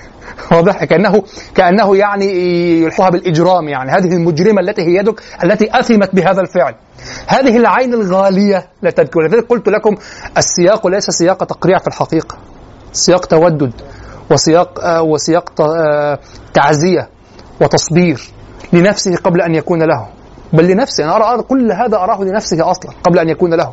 فقلت له لا تبكي عينك إنما نحاول ملكا أو نموت فنعذره. هذا عندي كأنه النسخة الإسلامية من قول النبي النسخة غير الإسلامية من قول النبي صلى الله عليه وسلم انها إلا إحدى الحسنيين. الحسنى الأخرى الحسنى الأولى عند ال- ال- الجاهليين عند غير المسلمين أنه ينتصر عند الكرام يعني الكرماء طبعا الكرام ليس عند آه، أغلب الناس عند الكرام كرام العرب أن. أن ينتصر. هذه الحسنى الأولى. والحسنى الثانية أن يموت بشرف. ولا الجاهلي معروف يقول إنما الناس أحاديث. الناس أحاديث. انتهى. يعني إذا أنت ضاعت سمعتك فأنت وأنت حي أنت ميت. خلاص في الحكم العربي أنت ميت. فانظر إليه يقول لا تبكي عينك إنما وصدقه في الكلام. لا تبكي عينك إنما نحاول ملك ونموت في نعذرة وكان ذلك عنده كافيا لعدم بكاء العين. عين عندنا يا سلام يا أخويا أنت روح بقى روح أنت براحتك يعني. حاول بلك أو موت في تعذر وخش التاريخ براحتك حضرتك. أنا عايز أعيش. أدنى عيشه يعني. لكن هو يخاطبه على العرف العربي الموجود. لا تبكي عينك. انت ليه بتبكي إنما نحاول ملكا أو نموت فنعذره. وكان شديد الواقعية جدا مع صاحبه وكان آه، واضحا جدا في النصح وهذا عند ال- القدماء بالمناسبة. الجاهليون عندهم لا يكذبون عادة. الجاهليون الأصل فيهم لا يكذبون. الكذب عندهم يساوي يعني طبعا بشر يكذبون ممكن لكن ال- الكذب عنده يساوي الموت خلاص إهانة. هو لا يكذب. واضح وهذا نص عليه كثير نص عليه ابن طبطبة في عيار الشعر نص عليه ابن رشيق في العمدة. قال هم لا يكذبون في أشعارهم. كل ما يذكرون في أشعارهم هو من بيئتهم ومن تجاربهم وكذا وكذا هذه عادة الجاهليين الكذب بدأ متأخرا من عند الأعشى. الأعشى. وهو عاش قدرا في الإسلام أيضا فهو متأخر. واضح؟ بدأ ببعض المجاملات وكذا والاختلاط بالملوك و... وبعض المدائح والاعتذارات وكذا ثم تو- توسع. ما تساؤلوا بالشعر. الأعشى. نعم. ف فالجاهليون هكذا. فانظر كيف صدقه في هذا الكلام وكان واقعيا جدا ولكن مع هذه الواقعية كانت فيه حكمة لأنه بعد أن أوضح له أن الوجهين محتملان بشره بوجه آخر فقال وإني زعيم. يعني يغريه بالوجه الآخر وإني زعيم إن رجعت مملكا بسير ترى منه الفرانق أزورا. زعيم يعني كفيل إني كفيل كفيل وضامن. كما في قوله تعالى وأنا به زعيم يعني أنا أنا ضامن لهذا الشيء. وإني زعيم إن رجعت مملكا بسير الجر المجرور في بسير متعلقة بزعيم يعني زعيم بسير أنا ضامن لسير. أنا كافل بهذا السير أو كافل لهذا السير. بسير ترى منه الفرانق الفرانق هو دليل الجيش. الفرانق دليل الجيش. يقال الفرانق دليل الجيش ويقال في في معان أخرى لكن هذا هو المعنى المراد هنا دليل الجيش لأنه في كلامه أنه سيعود بجيش. واضح؟ فالفرانق هو دليل الجيش الذي سيرجع به من عند القيصر إذا تحالف معه. فيقول وإني زعيم إن رجعت مملكا بسير. ما حال هذا السير أو ما نعت هذا السير؟ ترى منه الفرانق هذا الدليل الذي يتقدمنا أزورا. أزورا يعني منحرفا إلى جانب. تعرفون الذي يجري يعني من يركب ال- النوق أو يركب آه، الخيل أن الفرس إذا ركز في الجري جدا أو الناقة إذا ركزت في الجري جدا وفي وكانت متحمسة أو كذا ازورت هكذا يعني انحرفت على طول المسافة تنحرف تسير بجنبها دون أن تدري هكذا وهذا يقع في النوق كثيرا. تركز جهدها في الجري وكذا فتنحرف في المشي وهي لا تدري هكذا. فيأتي إذا صورت من من فوق يكون السير هكذا. هي تجري في الأمام لكن هناك انحراف. لكن الذي يكتب وينزل. تفهمون؟ فالعرب يدركون هذه الصفة أنها تصل إلى هذه المرحلة أو تصل إلى أن تزور هكذا وهي تسير إذا كانت لا تنتبه إلى جريها منفعلة شديدا جدا جدا. فأدنى انحراف في قدمها أو في الطريق أمامها ولا تدري منفعلة فتزور هكذا. فيقول وإني زعيم إن رجعت مملكا بسير ترى منه الفرانق أزور هذا البيت. والأبيات الخمسة بعده هو إضاءة قليلة في قصيدة مظلمة. القصيدة كلها ظلام من أولها إلى آخرها. إلا هذه الأبيات. إلا إلى أن يقول إذا قلت روحنا أرن فرانق هذا تستطيع أن تقول هو عرس وليس جيش. عرس رجوع عرس انتصار. وامرؤ القيس يتعجل هذا العرس. وسترى في وصف الفرس الذي يركبه أو يركبه الذين معه وفي وصف الفرانق أنت الآن حتى تشعر بما أقول لابد أن هذا لا لا مفر منه أن تتدرب عليه. لابد أن تحضر شاشة في ذهنك الآن. وأن تسرع بتحويل الكلمات إلى صور. ولهذا سأكون أنا بطيئا ومكررا الكلام بعض الشيء. لماذا؟ لأنك إذا كنت من الأول إما أنك تفهم معاني الكلمات وسهلة عليك أو أنك تعاملت مع هذه الكلمات كثيرا جدا كما أنا أتعامل مع القيس كثيرا جدا. تعاملت معها فأصبحت حتى الكلمات الوحشية ظاهرة عندك بمجرد أن ترى لفظها تضيء الشاشة؟ إذا لم تكن كذلك فأنت تحتاج إلى مدة حتى حتى تتردد الكلمة في ذهنك وحتى تستطيع أن تجمع الصورة في النهاية. وذلك استحضارك بعد هذا الدرس بعد التدريب بعد هذا الدرس بمدة استحضارك سيكون أسرع. لكن في الدرس لابد أن نكون أبطأ. فهنا في هذه الأبيات يقول وإني زعيم. الصورة التي ستتركب عندك وستراها في الشاشة وسترب وستحول هكذا بالريموت ستحول بيتا بيتا هكذا. واضح؟ والأبيات متصلة. كما في الفيلم ترى المشهد متصل لكن الزوايا مختلفة والأحداث متتالية لكن بالفعل البيت لا ينفصل. البيت مشهد متحرك أو ثابت وهنا أغلبه هنا متحرك ويأتي وراءه المشهد الآخر وكذا كله في موضع واحد وفي اتصال واحد للقصة أو للكلام. مجموع هذا عند امرئ القيس عرس فرح نشوة انتصار. هي ومضة إضاءة سريعة في قصيدة مظلمة. هي بالفعل كذلك. هنا سنرى امرأ القيس يرجع إلى روح الملك التي فيه ويودع قليلا هذا الانكسار. وسيتوارى الانكسار قليلا لكن لن يذهب. يعني هذا أنت إذا رأيته يتكلم هكذا تقول هذا كان أهدأ وهو يتكلم في قفا نبكي. كان أهدأ في هذه العنجهية وهذا الفخر وهذا كذا. نعم لأنه يقاوم به حال انكسار هو فيها حال غربة بكاء صاحبه بكاء صاحبه. لكن في قفا نبكي كان يبكي مختارا. واضح؟ أما هنا فهو أما هنا موجوع. في قفا نبكي كان يتذكر الصور وله جانب آخر وله له طريقة أخرى في البكاء. ليست هذه الطريقة. البكاء في قفا نبكي والتذكر في قفا نبكي كان على على ماض قد ذهب وهو ما زال يرجو أن يرجع ولكنه يبكي عليه موجوع فقط يتشوق إليه. أما هنا مع بكاء صاحبه ومع الغربة فالانفعال أحد أشد. فلذلك عنجهيته ستكون أشد. ترون في آل عم صباحا لما جرح في كرامته وفي رجولته ماذا فعل؟ أهان زوجها مع أن زوجها لم يكن له دخل. لكنه أهان زوجها وقال وكذا وأصبح كذا في الناس وأصبح أنا السبب. يا من تقولين إننا لا أحسن له. أما هنا بكى صاحبي لما رأى الدرب دونه وإني زعيم إن رجعت مملكا وسترى الصورة هنا. كل ما تراه من تبختر الفرس هذا هذا البرذون الذي سيتحدث عن فرس أعجمية هنا. وهذه المشية في الفرس وهذه الفرفرة التي ستأتي في الفرس بعد مشي الهيدبة وكذا. كل هذا في الحقيقة هو روح هذا الشاعر في نفسه. يقول وإني زعيم إن رجعت مملكا بسير ترى منه الفرانق أزورا. الفرانق هذا الدليل يقول إني زعيم بسير ما حال هذا السير أو ما نعت هذا السير؟ ترى منه الفرانق الذي معنا. انظر أن يكلم صاحبه. لماذا؟ أنه يطيب خاطره ستراه أزور من الانفعال في المشي وانفعال الخيل في المشي والذهاب إلى أرض وكذا فتراه ينحرف في مشيه هكذا مع أنه دليل. يعني هذا الدليل ينبغي أن يكون مستقيما ينبغي أن لا هو أزور. خلاص ألم يقل في الأخير حتى في الغزو في الحرب يقول ونشرب حتى نحسب الخيل حولنا نقادا وحتى نحسب الجون أشقرا ولا ينسى كل هذا في حتى في هذه اللحظات. واضح؟ وإني زعيم ضامن إن رجعت مملكا أنا ضامن لك هذا السير. يعني يقول له لو صح معي هذا الحلف والتعاقد الذي سأعقده مع القيصر وتبادل المصالح الذي سيكون معه. طبعا هذه سياسة لابد من تبادل المصالح وأحلاف وكذا. نوع مثلا كما كان بين الكنديين وحمير كان هناك كان حكما فيدراليا لحمير. يعني حكم أنت معنا في الولاء وفي الحروب وكذا لكن أنت مملكة قائمة بذاتك يعني. واضح؟ لكن في الولاء وفي الحروب نحن أحلاف. واضح؟ فكذلك كان ممكن أن يكون معه كذلك. واضح؟ فهو يقول له لو أنا أضمن لك إذا رجعت مملكا يعني إذا أفلح هذا التفاوض أضمن لك يعني إذا نجحت الخطة مع القيصر أضمن لك الجيش الذي ترى منه هذا المنظر. لأنه سيطمع فيما سأعرضه عليه. إذا لم يفلح خلاص هو لم يفلح. ما السبب؟ ما لا أحد يدري.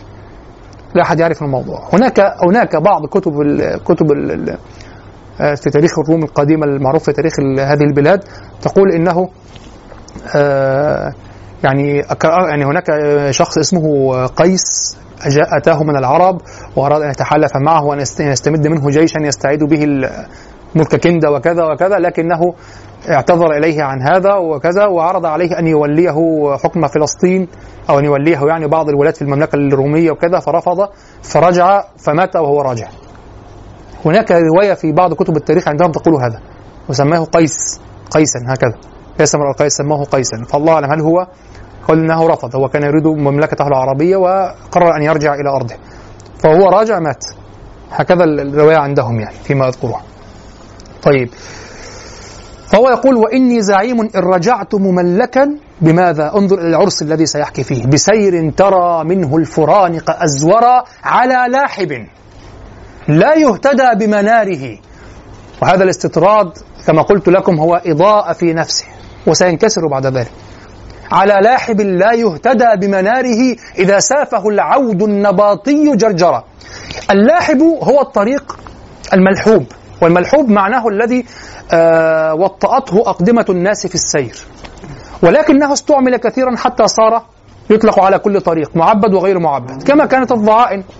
الضعائن تطلق أصلا على المسافرات صارت تطلق على كل النساء.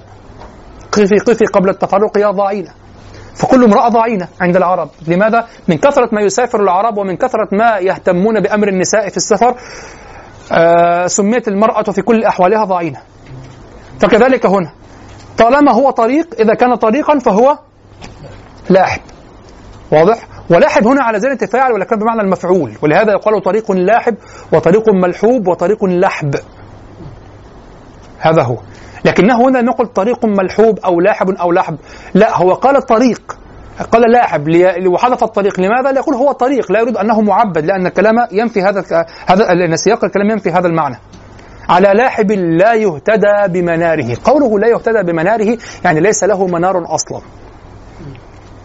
يعني كأنك تقول ستذهب إلى مكان آه الحي فيه مش حي يعني ما هوش أحياء. لا تسمع فيه آه، صريخ لا تسمع فيه صريخ سكانه يعني لا تسمع فيه حس سكانه صوت سكانه يعني ليس فيه سكان. صوت قانطي يعني ليس فيه قانطون طب وما ما معنى هذا الأسلوب؟ هو يأتي لك بالغاية ثم ينفيها. ينفيها بالدلالة عليها وهذا أقوى تشبه الكناية. يعني هذا لاحب لا يهتدى بمناره. وفي رواية لا يهتدى لمناره. يعني والمنار هنا هي المنارات التي والصور التي ينصبونها كعلامات للطريق. معروف الطرق عند العرب الطرق اللاحبة أو المعروفة التي هي معبدة للسير ويسيرون فيها لها لها علامات محفوظة عندهم. تترك جبل كذا عن يمينك وتترك كذا عن يسارك ثم تقطع كذا حتى تبلغ كذا. إذا بلغت كذا سترى في الأفق كذا وسترى هناك هناك خارطة في ذهن العربي قديما. هذه الصور تسمى الصور هذه الصور والنجوم. النجوم للجهات وأما الطرق فلها هذه الجبال والمنارات وكذلك المنارات. كانوا ينصبون المنارات ربما منارات المتعبدة من النصارى أو كذا أو ربما منارات لتنير الطريق فقط هكذا يقوم عليها بعض الناس. الله أعلم. أو يسمون بالمجاز كل مرتفع مناره أو كذا لأنه ينير الطريق أو يقيم يقوم بوظيفة المنارة المعروفة عند ال- النصارى أو كذا. الله أعلم. هذه أمور غابت عنا في ثقافة هذه اللغة والله أعلم. لكن لا يهتدى لمناره بهذا الجمع هكذا يدل على وقوع نوع من المجاز لأن المنارات لن تكون كثيرة في طرق العرب بهذا الشكل. فكأن الكلام فيه فيه مجاز. واضح؟ طيب فيقول على لاحب لا يهتدى بمناره أو على رواية لمناره إذا سافه سافه يعني شمه ساف الشيء يسوفه سوفا يعني يشمه. واستاف الشيء يشتمه. وهذا من الألفاظ المندثرة عند عندنا الآن من كلام العرب. ساف الشيء يعني شم الشيء. وكما قال الشاعر إما أنه حاك امرأ القيس أو أنه أحد أحد الوضعين وضعه على امرأ القيس. لكن قد يكون الشاعر حكم قيس أن الشعر عالي ورفيع فعلا بد- بدرجة عالية. القصيدة رقم 51 في في ديوان امرئ القيس. طبعت لفضل إبراهيم. في 16 بيت يقول فيها ومنهن سوف الخودة يعني شم الخودة والخود النساء الناعمات المنعمات يعني. سوف الخودة قد بلها الندى. يعني هي امرأة قد جاء جاءته بالليل أو كذا فجاءت مبلولة الشعر بالندى أو كذا فاختلط ريحها بريح بريح المطر أو ريح الندى هذا الماء. انظر إلى الحس. نعم. يقول ومنهن سوف الخودة بالمناسبة آه أنا وجدته عند العراقيين. آه أن يشم الإنسان رأس أبنائه. يقول هذا شم رأسه يعني من حبه لي وكذا وكنت أعرف امرأة عراقية زوجها آه، أو عملت خلع أو طلقها أو شيء. المهم أخذ الأولاد وانصرف كانت كلما تبكي وتشكو وتقول أريد أن أشم رؤوسهم. فأنا كنت أستغرب يعني. فكنت أذهب أشم رؤوس أبنائي كذا. أه هو ابنه لكن هي بالفعل سبحان يعني تبكي وتقول أنا أريد أن أشم رؤوسهم فقط. عايزة فقط أشم رؤوسهم. واضح؟ فهل هذا من هذا الباب؟ الله أعلم. خاصة أن الشعر أكثر ما يظهر فيه آه، ريح الرطوبة أو ريح الندى. إذا إذا أو ريح الندى يعني أكثر ما يظهر فيه لأنه شعر لأنه لأنه تتخلله رائحة الإنسان نفسه. واضح؟ رائحة الإنسان نفسه يعني. فيقول ومنهن سوف الخوض. يعني شم الخوض قد بلها الندى. هذا هو. فكلمة سوف يعني الشم. ساف يسوف سوفا شم يشم شما. يستاف يشتم. استاف الشيء اشتم الشيء. إذا سافه العود أي إذا شمه العود النب... العود كما مر معنا هو الجمل الكبير المسن القوي. يعني الذي بلغ عمرا بلغ الكمال في والتمام في قوته البدنية وكذا ثم هو قوي. والنباطي نسبة إلى الأنباط. وهناك من يشكك في قول النبطي. تقول نباطي يقول هو النباطي كما هنا في البيت. النباطي. هذا نسبة إلى الأنباط وكما قلنا في الأول هم قوم من العرب آه، قبائل من العرب حضارة قديمة كانت موجودة قبل الميلاد بأربعة قرون يعني بدأت قبل في القرن الرابع قبل الميلاد وبلغت ذروتها في القرن الأول الميلادي. وسكنت آه، كانت هي التي آه، يعني تسيطر على الشام وعلى العراق وعلى كل هذا الشمال الأنباط. وما زالت آرهم موجودة إلى الآن يحفرون في الجبال فربما كانوا من الأمم التي خسف بها أو شيء من هذا قبل الله. لكن لا الذي أعرفه أنه حاربهم آه، حاربهم الروم وكذا وأخذوا منهم هذه لكن هم لهم آثار ربما لهم آثار يعني تنسب إليهم وكذا وتدل على أنهم حضارة كبيرة. نعم الأنباط. وما زال الأنباط يعرفون في العراق. يقولون الأنباط في العراق يعني عرب العراق اللي فيهم الأنباط. والبعض يطلق الأنباط كذلك على السريان الجنس السوري. الجنس السوري أيضا هو الموجود في لبنان بالمناسبة. كل المارونيين الموجودين في لبنان هم أصلا سريان. كانوا موجودين في جبال سوريا وكانوا يتبعون ال- ال- المذهب الماروني. ثم لما آه، دخل بنو أمية إلى الشام وفتحوها وكذا واضطهدهم اضطهدهم اليهود أو مسيحيين آخرون أو كذا و آه، يعني آه، استغاثوا بالخليفة الأموي ف كأنه من طنطا. عمل انه من طنطا. يعني وتركهم وكذا فهاجروا جميعا إلى لبنان. وتكون المذهب الماروني في لبنان. لأن منهم منهم فيروز. فيروز ماجدة الرومي جورج القرداحي. كل هؤلاء مارونيون فيما أعرفه يعني مارونيون. هذا الجنس السوري هذا الجنس السرياني هؤلاء ليسوا عرب أصلا. هؤلاء ليسوا عرب. هذا جنس قديم موجود في جبال سوريا أصلا كان موجودا من أيام الرومان أصلا. وهم نصارى. واضح؟ فليسوا عرب يعني نعم. ف فالبعض الآن يطلق أيضا الأنباط على السريان لكن هذا خطأ. الأنباط يطلق على بعض العرب في العراق ربما يكونوا نعم هم من خاصة هناك مناطق هكذا منطقة الأنباط هناك وكذا. هي منا- مناطق هناك موجودة في هؤلاء العرب الذين قد ينسبون أو قد يمتد تمتد جذورهم إلى الأنباط والله تعالى أعلم. يعني هذا الكلام يحتاج إلى تحرير يحتاج إلى تحرير. لكن المعروف عصريا يعني في الأنباط في العراق. واضح؟ وهم بالفعل كانوا في العراق. لما كانت كانت لهم الحضارة والملك وكذا كانوا في العراق أو من ضمن أرضهم العراق يعني. فهو الان يقول العود النباطي يعني ينسب هذا الجمل إلى فصيلة أو إلى جمال معينه في العراق معروفة بالقوة والضخامة وكذا. فيقول جرجرة، جرجرة يعني صوت ورغى و هذا الصوت الذي يخرجه ال- البعير إذا تعب أو إذا غضب.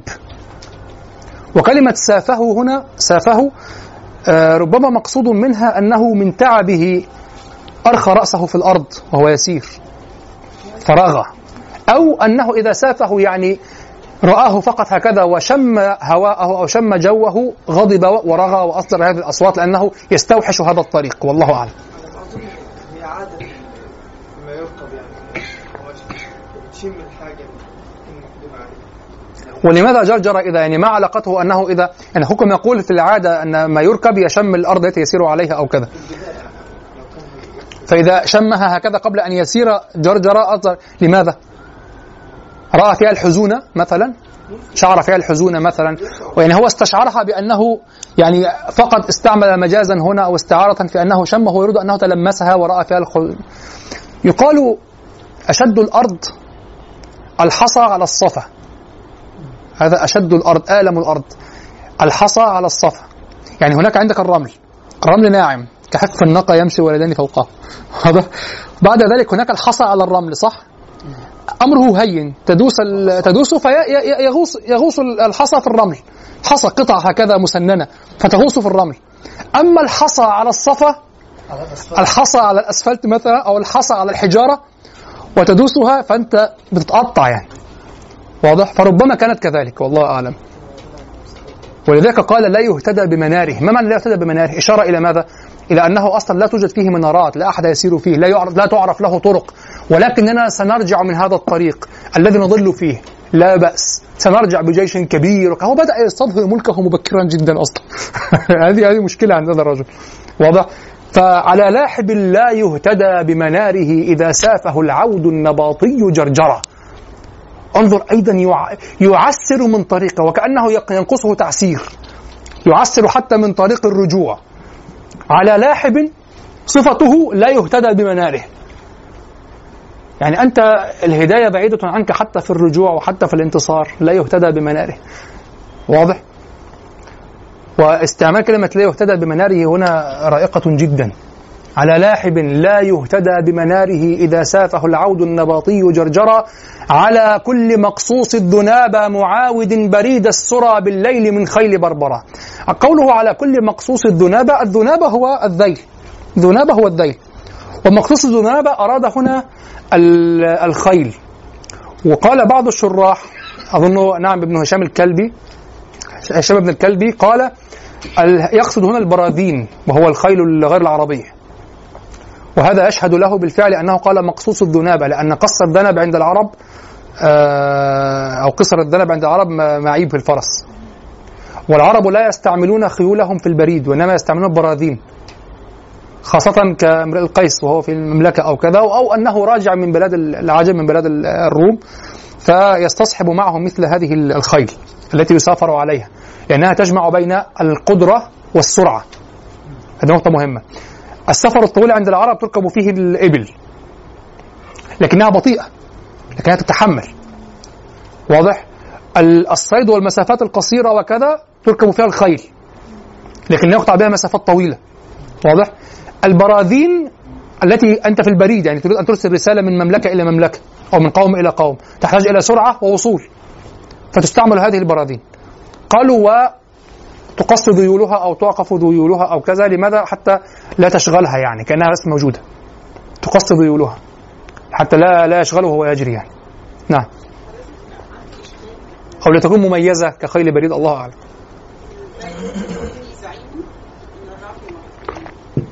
إني زعيم. ما الإشكال؟ هو يعني لما صعب رحلة الرجوع قال إن هو طريق صعب غير كأنه مقدور يعني امم هو يعني مش بيبشر مش بيتمنى ده كانه بيخطط بيقول له إحنا هنرجع بطريق هو هيبقى صعب شوية يعني أصل المبشر ده هيفكر إحنا هنرجع في طريق ممهد وواسع والناس بتستقبلنا. يعني هيتخيل خيال أحسن من كده بكتير. هو ليه بيصعبها قوي كده على نفسه؟ إذا كان ده مجرد خيال.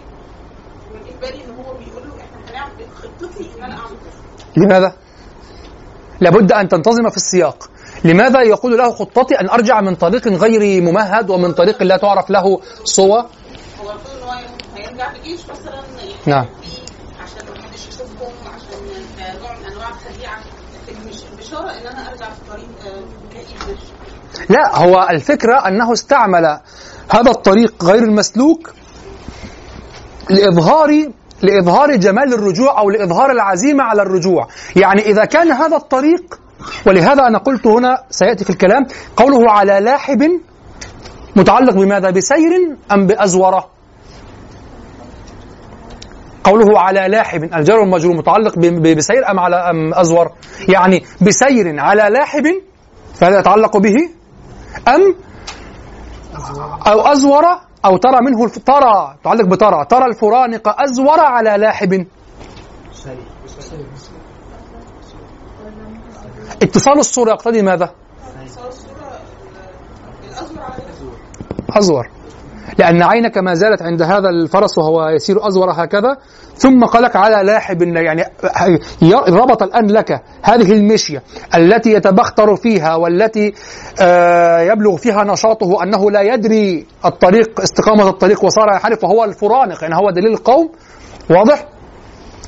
هذه تقع على على طريق لا هداية فيه أصلا. وانظر إلى المقابلة بين الفرانق الذي هو الدليل ولا يهتدى بمناره يعني هذا يعني الطريق يضل عليه أو ينحرف عليه الفرانق الذي هو الدليل وهو ليس له طريق ليس له منار يهتدى به. يعني ليس له منار ينبغي أن تكون أنت دليلا لا هو أيضا ينحرف عليه. ومع هذا هذا العرس من الجيش يرجع هكذا وكما سيصف الآن. يقول على لاحب لا يهتدى بمناره إذا سافه العود النباطي جرجرة قوله إذا سافه العود النباطي جرجرة إشارة إلى ماذا؟ إشارة إلى إلى وعورة هذا الطريق. وإلى أن الجمل نفسه لا لا يطيق هذا الطريق. إذا سافه تحتمل أن تكون إذا شمه يعني إذا وهذه استعارة يعني إذا طأطأ رأسه أو أمال رأسه في الأرض يشمه من العطش أو يش أو من الإرهاق أرخى عنقه هكذا في الأرض فصار كأنه يشم الأرض كما ورد في بعض الأشعار أنها ترجم الأرض بالمشافر يعني تضرب الأرض من كثرة ما أرهقت وهي تسير فصارت أو من كثرة ما تجري سريعا فتميل بعنقها تمده حتى ترتخي العنق على الأرض فكأنها تضرب الأرض بمشافرها. واضح؟ هذا موجود في في أشعار أظن طرفة أظن أن طرفة نعم في المعلقة أظن نعم. ف كذلك هنا إذا سافه العود النباطي جرجرة يعني إذا بلغ أن يكون بهذا الشكل أن أن يتعب بهذا الشكل وكذا غضب من هذا الطريق وجرجر وأخذ يصدر رغاءه وأصواته وصيحاته المعروفة عند الجمل إذا تعب أو كذا وبعضهم فسره وقال آه الجمل عموما إذا فرح يصدر هذا الصوت إذا فرح يصدر هذا الصوت هو نشط على هذا الطريق وكذا فحتى الجمل نشط نشط كالبردون الذي يجري به الفرانق. الله أعلم. يقول على لاحب لا يهتدى بمناره إذا سافه العود النباطي جرجرا على كل مقصوص الذنابة معاود بريد السرى بالليل من خيل بربرة قوله على كل مقصوص الذنابة يعني على كل وترون كلمة على كل هنا هنا كما قال في زهير في المعلقة في نعم في معلقته. زهير يقول على كل قيني قشيب مفأم. على كل قيني قشيب مفأم. وكأنهم جمعوا كل قيني يعني كل هودج من من صنع القين جمعوه واستعملوه وكأنه لا يوجد إلا عند غيرهم الآن. فكذلك يقول على كل مقصوص الذنابة يعني كأنك جمعت كل مقصوص الذنابة معاود بريد السرى بالليل من خيل بربرة وجعلته معنا وكأنك لن تراه خارجنا أصلا. وهذا من المبالغة والمجاز طبعا. يقول على كل مقصوص الذنابة مقصوص الذنب. معاود يعني يعود يعني عود إياه. فعله عاد إليه كثيرا فصار عادة له. معاود بريد السرى. هنا تقدير يقدر محذوف وهو معاود سير بريد السرى. لأن البريد هو نفس الفرس. البريد هو نفس الفرس البريد. يطلق البريد على الشخص الذي هو يرسل بالبريد. ومنه جاءت البردة أنه كان يلبس البريد يلبس البردة فهي بريد. واضح؟ آه فهو يعود فإما أن يعني كلمة بريد إما يطلق عليه هذا الرجل أو على الفرس. والمراد هنا هو الفرس. ويقدر محذوف معاود سير بريد يعني معاود سير خيل السرى أو بريد السرى خيل البريد التي تسير كثيرا بالليل. التي تقطع الليل حتى الليل الذي ترتاح فيه لا تقطعه. واضح؟ أو تواصل السير بالليل لا تتوقف معاود بريد السرى أي معاود سير بريد السرى بالليل من خيل بربرة. وأنا هنا لا أدري لماذا قال بالليل وهو قال السرى. لا أدري. لأنه قال معاود بريد السرى بالليل من خيل بربرا. لا أدري ولا أجرؤ أن أقول حشو. لا أجرؤ لابد أن أتوقف. أقول حشو واكتشف بعد ذلك اكتشاف كبير. ثم ما زالت حتى عندنا هذه التراكيب مشكلة. واضح هذه التراكيب يعني الأغراض فيها مخفية إلى حد كبير بالنسبة إلينا. ليس لأنهم أخفوها لاختلاف اللغة اختلاف ال- ثقافة اللغة اختلاف العصر. يقول على كل مقصوص الذنابة معاود سير بريد السرى معاود بريد السرى وهو يقدر هذا في نفسه. وسهولة التقدير مقرونة دائما بالاستعمال. مشكلتنا في التقدير ماذا؟ أننا لا نستعمل ما ما يقدره هو. ما لا نستعمل ما يقدره أهل اللغة في الكلام لكن أصحاب اللغة الذين يستعملونها التقدير عندهم حاضر. أنت تحتاج إلى أن تستحضر هذه اللغة وتستحضر أنها مستعملة لديهم ثم تقدر المحذوف. كلما استعملت اللغة كثيرا قدرت فيها المحذوفات. نحن ليس عندنا معاود سير بريد السرعة لكن في لغتك العامية ولغتك حتى العربية التي تستعملها تقدر المحذوف كثيرا وأنت لا تشعر. هو كذلك يقدر هنا وهو لا يشعر. يعتادها. معاود سيرة يعني هو يقول معاود بريد السرى يعني معاود لأن كلمة بريد مقصود بها الخيل. معاود بريد السرى يعني يكرر يعاود يكرر خيل السرى بالليل. يعني يعاود سير الخيل بالليل. الخيل التي تسير بالليل. معاود بريد السرى بالليل من خيل بربرة. أنا لم أعرف ما هي بربرة إلا ما قاله ابن منظور في لسان العرب أنه قيل إنهم آه، جيل من ولد آه، بر بن قيس أو بر بن قيس ابن عيلان. ثم قال قال أو نقل عن غيره قال ولا أدري كيف ذلك. فنعرف ما المقصود بخيل بربر هنا. معاود بريد السرى بالليل من خيل بربرة. من هي خيل بربر؟ هو يعرفها. نعم. كتابه الجغرافيا يقول نعم. إن البلاد التي تطلق عليها الصومال اليوم يقول إنها إنها اسمها البربر يعني. آه. إنها ماذا؟ يسمون البربر أيضا في قال ه... قال هذه التي يقصدها امرؤ القيس؟ نعم هي بلاد التي ذكرها القيس. التي هي بربرة من خيل بربرة. في مدينة اسمها بربرة أصلا كده. موجودة. أين؟ عند في الصومال. الصومال معروفة بالخيل. إذا لابد أن نفهم وجود الخيل هناك بدون تكلف. هل هناك خيل مميزة بدون تكلف؟ آه. يعني. لاحظوا أنه سيرجع من تركيا. سيرجع من تركيا. ف... هو كان في يعني تجارة أو تعامل ما بين الحبشة وال- والعرب خير يمين أخذوا الخيل. مش لازم يكون مميز ممكن يكون يعني على سبيل الذكر مش على سبيل التمييز لا هو لن ي- لن يخصها إلا لن يقول من خيل بربرة إلا إذا كان هناك غرض من كونها خيل بربرة إنها في ميزة. هو يتكلم هنا عن خيل بريد ليست خيل عربية. حتى قال يعني شوف هنا وصفها بالعكس وصفها بأنها مقصوص الدنابة. يعني هو هناك يصف ماذا؟ ضليع إذا استدبرته سد فرجه بضاف فويق الأرض ليس بأعزله أما هنا فمقصوص الدنابة. ويرجع بقى ويتبختر وكذا. فالله أعلم هناك أشياء كثيرة في ثقافة اللغة تغيب يأس كيف؟ نعم. لا لا لا أنا لا أستطيع أن أخذ الطريق غير الممهد في دلالة مختلفة خارجة عن السياق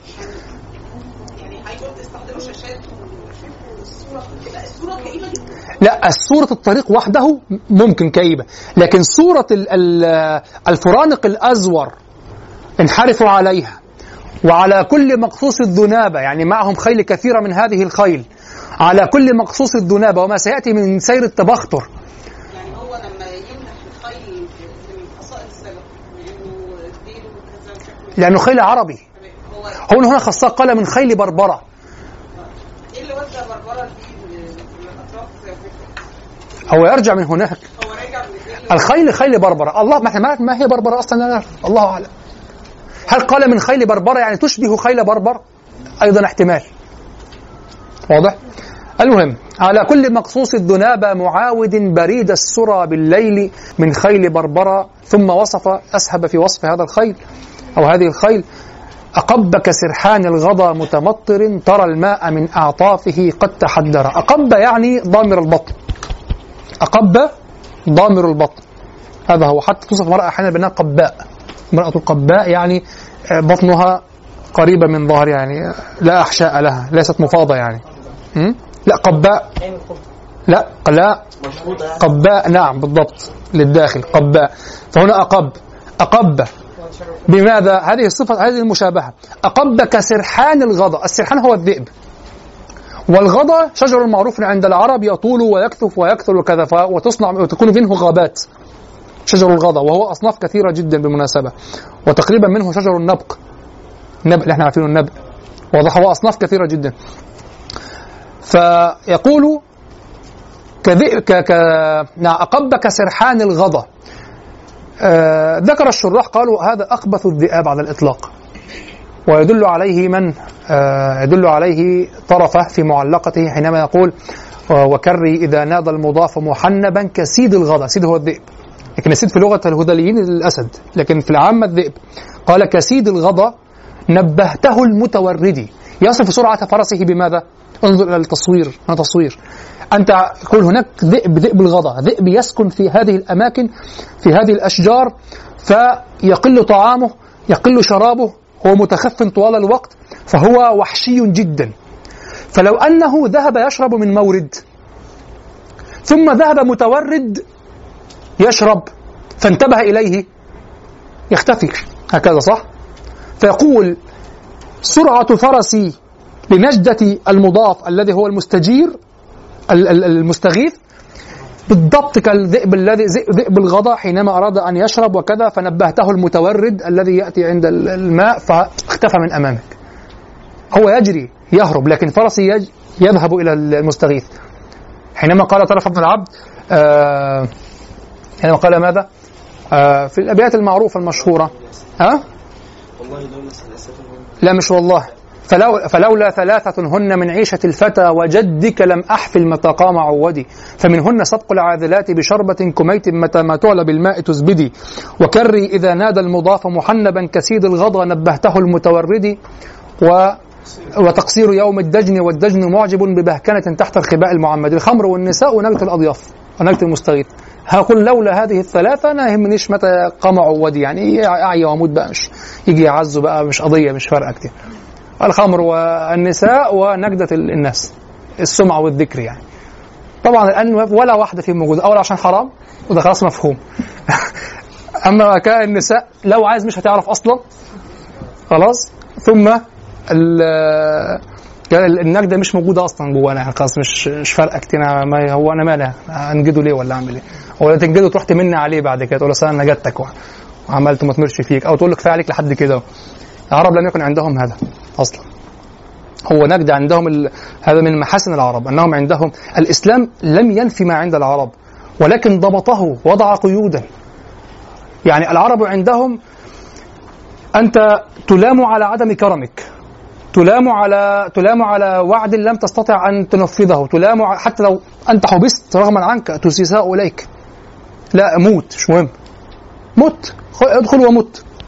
طب ساموت مت. واضح؟ وعد. خلاص لابد كذا. نعم وضع الإسلام حدودا. ولكن المشكلة المشكلة أننا جعلنا هذه الحدود هي الأصول. الإسلام وضع حدودا لشيء موجود أقره. يعني مثلا الإسلام لم يقل لك اقتل المرأة وأنت سعيد يعني. هو قال إذا كانت محاربة. إذا كانت محاربة. وتقتل المسلمين في الحرب. لكن هذا النص جاء شوفها دراسة نصية. هذا النص جاء في ظل وجود ثقافة موجودة وهي أن العربي لا يقتل المرأة أصلا. مستحيل حتى لو كانت تقتل هي كذا مستحيل يقتل المرأة يتجنبها في الحرب وهي تقتل يتجنبها.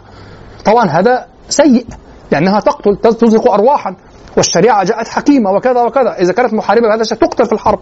خلاص؟ لكن لم يقل لك خلاص الموضوع مفتوح يعني واقتل النساء وافعل وكذا وانتهك و...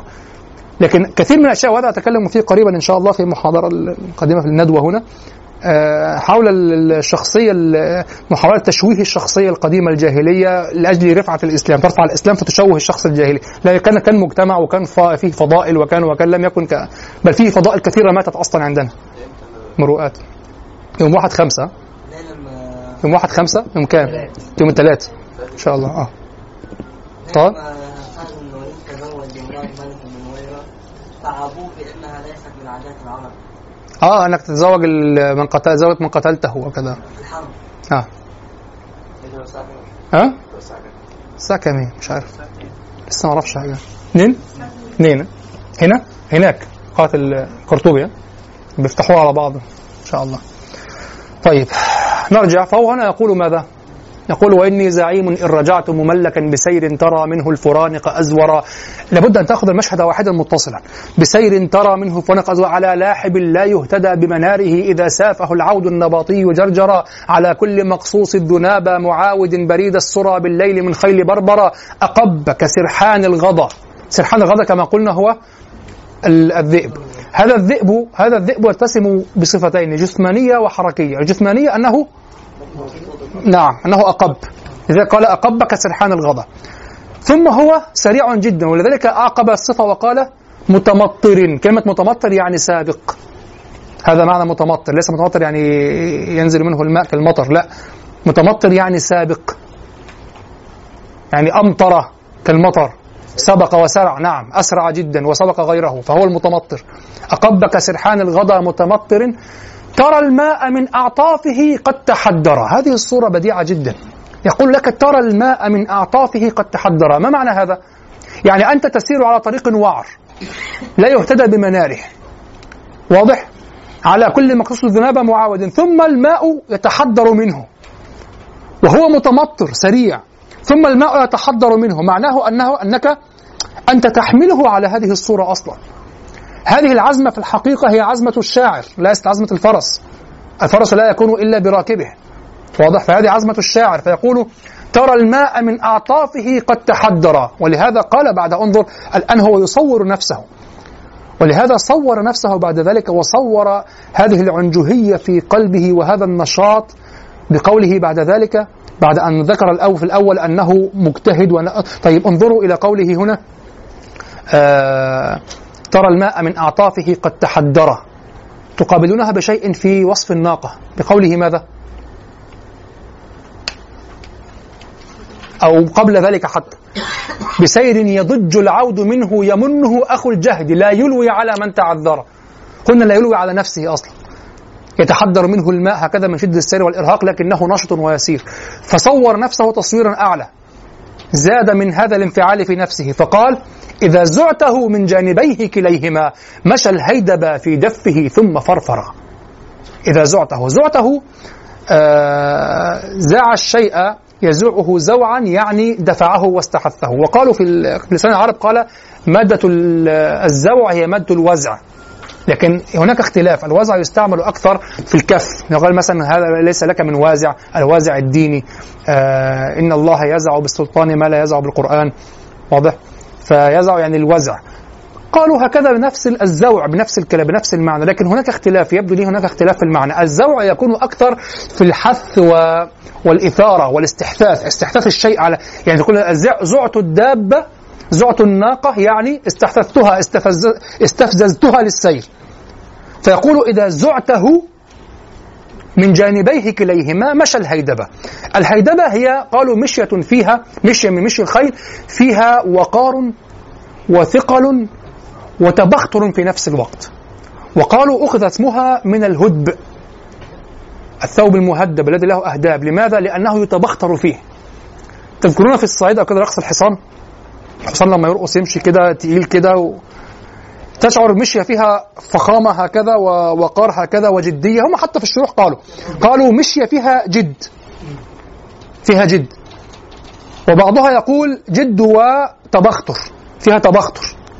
واسمها يدل على ذلك الهيدبة. لماذا؟ لأنها في الأهداب. تأخذ من هدب الثوب. لأن الثوب الذي له هدب هو الذي يتبختر فيه. لأن حركة الأهداب تزيد من صورة من لفت النظر إلى صورة البخترة يعني. تخيل شخص هكذا يلبس لباسا ضيقا ويتبختر. لا يظهر كثيرا. لكن إذا لبس أشياء فيها أهداب تحركت معه. كالإخوان في أفريقيا بعض ال... تحرك كده صح؟ تلاقي حركة دي كده تلاقي حاجات طارت كده كتير. نعم. نعم. هو يعني استحثثته نعم. إذا زعته يعني استحثثته للسير. لذلك قلت فرق بين أشعر بفرق بين الوزع والزوع. مثلا لا قال من جانبيه كليهما. الوزع. هي الوزع الوزع يستعمل في المعنوية أكثر لأنه الكف فيستعمل في كف النفس. لكن ربما يكون استعمل أكثر في المعاني الحسية. أخوكم يقول الوزع يكون في المعاني الحسية المعنوية أكثر من الحسية. هذا ربما في الإسلام. لو لو معنوية أصلا هو لكن في الجاهلية أظن المختلف ها؟ لا هو مش قصده في السياق. هو أخونا بيتكلم على الفرق بين الوزع والزوع. إن الوزع ممكن يكون في المعنويات أكثر. هذا قد يكون في الإسلام كالوضوء الذي صار مقتصرا على هو أصلا جاي من الوضاء من النظافه صار مقت... لا يستعمل أصلا إلا في الوضوء الشرعي. لكن هذا ربما لكن غالبا سيكون في الإسلام فقط. يعني كلمة الوازع والوازع والكذا وكف النفس. لكن ربما يستعمل في الكف ال- ال- الكف الحسي أيضا في الجاهلية. لكن الفرق بينهما قد يكون من جهة أخرى والله أعلم. لكن في لسان العرب قال هو الزوع الزوع هو الوزع.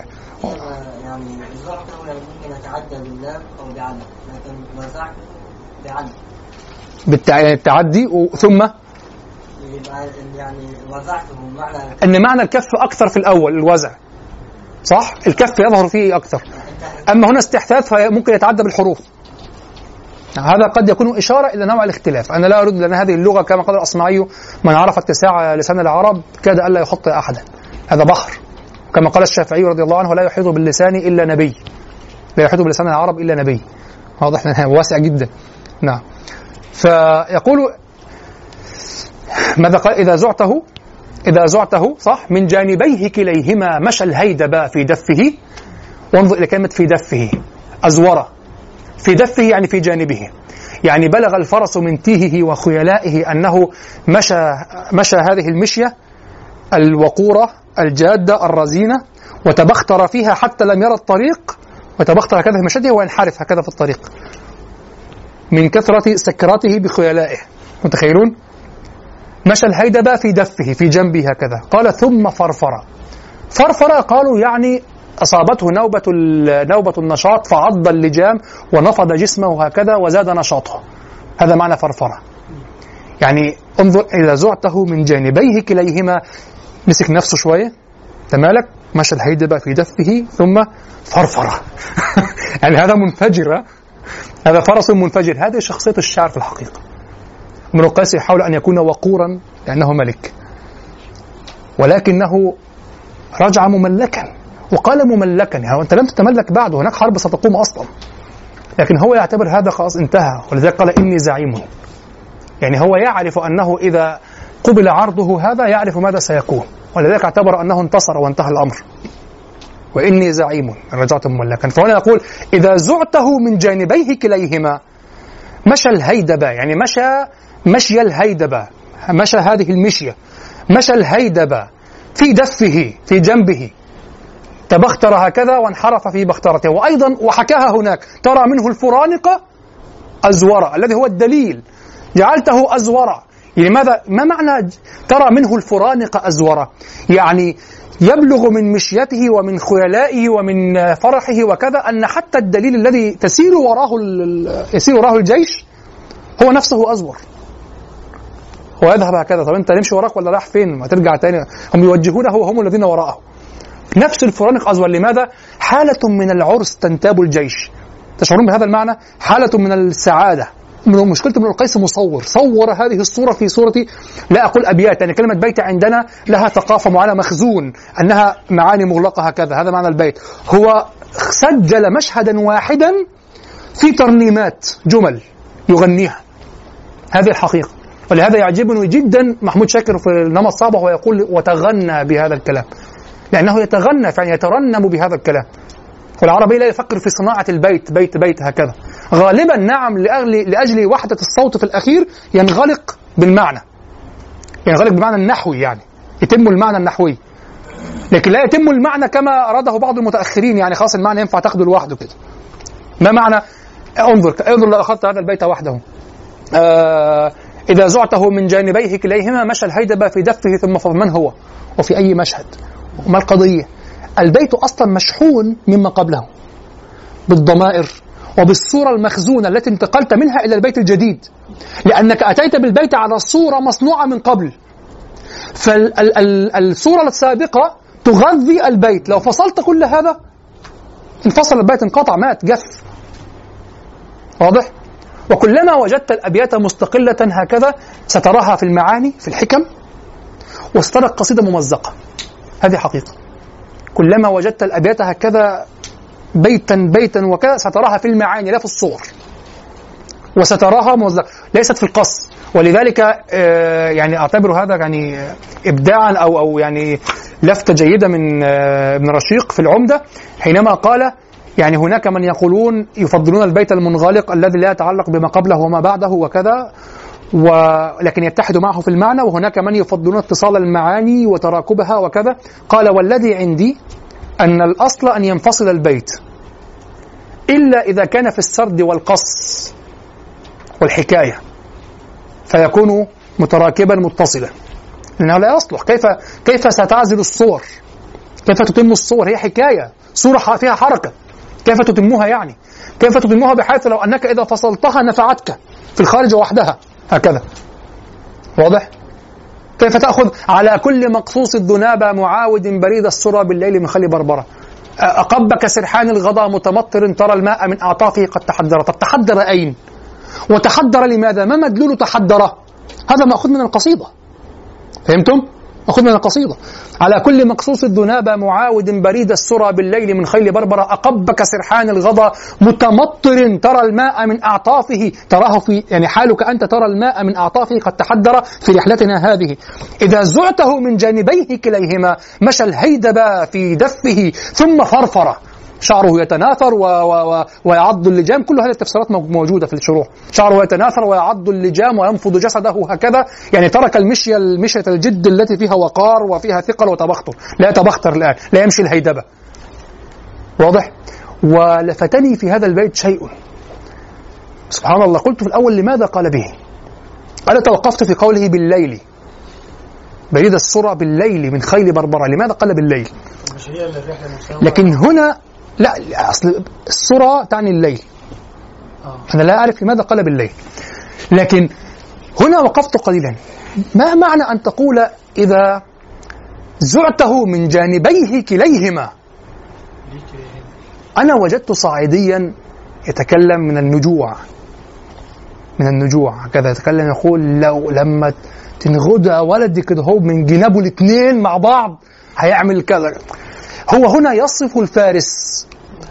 يعني لما يقول إذا زعته من جانبيه كليهما يصف أنك يصف يصفك أنت أنت الفارس. لا يصف الفرس هنا. يصفك أنت أنت المنفعل أنت الذي تزعه من جانبيه كليهما.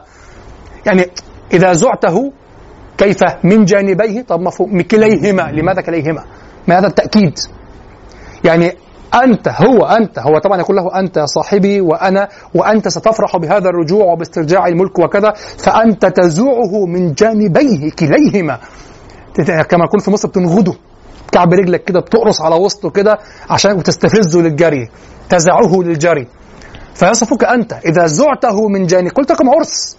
وامرؤ القيس هنا منفعل جدا ويعيش بالفعل لحظات هي اللحظات الوحيدة كما برضه أقول مضيئة. هي اللحظات المضيئة في هذه القصيدة لكن يتوارى وراءها ال ال ال الأسى. لماذا؟ لأن حتى امرأ قيس لا يبالغ هذه المبالغة في العنجهية في حياته العادية أو في أمره العادي. لكن هذه المبالغة كأنه يريد أن يغطي بها على أسى. ولا تنسى ولا تغفلوا عن أنه أصلا يواسي صاحبه في البداية ويواسي نفسه. يعني كل الذي أثار هذه الأبيات ماذا؟ بكى صاحبه. لما رأى الدرب دونه. أنا أراه كأنه يتكلم بهذه الأبيات وهو أيضا يبكي. أشعر بهذا. هذا العرس بهذا الشكل غير واقعي.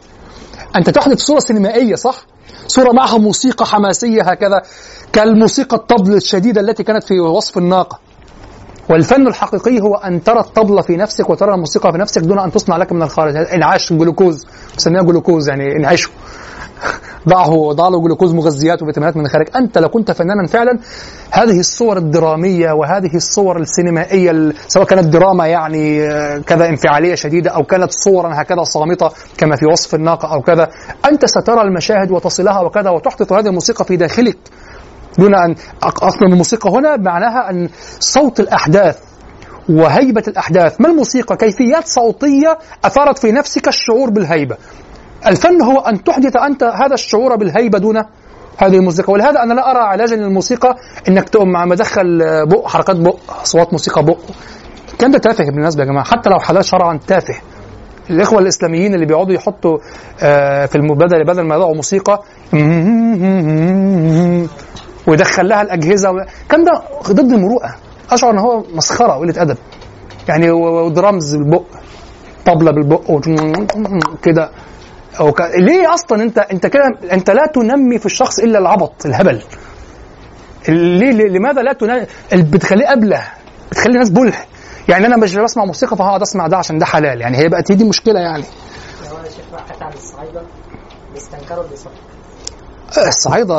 ما صفرش صعايدة اكابر يا ولد. مش كله يعني في ناس صعيده جوه جوه خالص كده ناس تقيلة. في مبادئ حتى تلاقي تجار مخدرات وتلاقيهم تجار سلاح بس مبادئ عنده مبدأ. في الكرة خلق الشخصي عنده مبدأ. في في كان شكل سنه حفله واحد صف راح موقف الحفله راجل بس هو مش راجل بيصفر. أنا راجل بس رب الناس بتكتر. هو أهل الصعيد أهل الصعيد بس مش بره بقى كده يعني جوه شوية. أهل الصعيد هم اللي ما زال فيهم ال- آه فيهم ما زال ومش المدن كمان جوه. ما زال فيهم آه، أخلاق. مفيش حاجة اسمها إساءة المراه في طريق مفيش حاجة اسمها إنت تقعد وست واقفة مفيش حاجة اسمها الكلام ده مفيش حاجة اسمها إساءة لل- للمرأة لامراه جارك أو امراه حد صديق أو كذا مفيش الكلام ده. المهم فيقول إذا زعته من جانبيه كليهما مشى الهيدب في دفه ثم فرفر. ثم يختم هذا العرس بقوله إذا قلت روحنا أرن فرانق على جلعد واهي الأباجل أبترا طبعا قلت أولا لابد أن تكون الصورة متصلة وأن تشعر أنت بهذا الهياج النفسي في داخلك. أن تشعر أنت بهذا بهذا بهذا الروح وبهذه الصور التي تساعد السينما متوسط الحس وضعيف الحس على الشعور بها.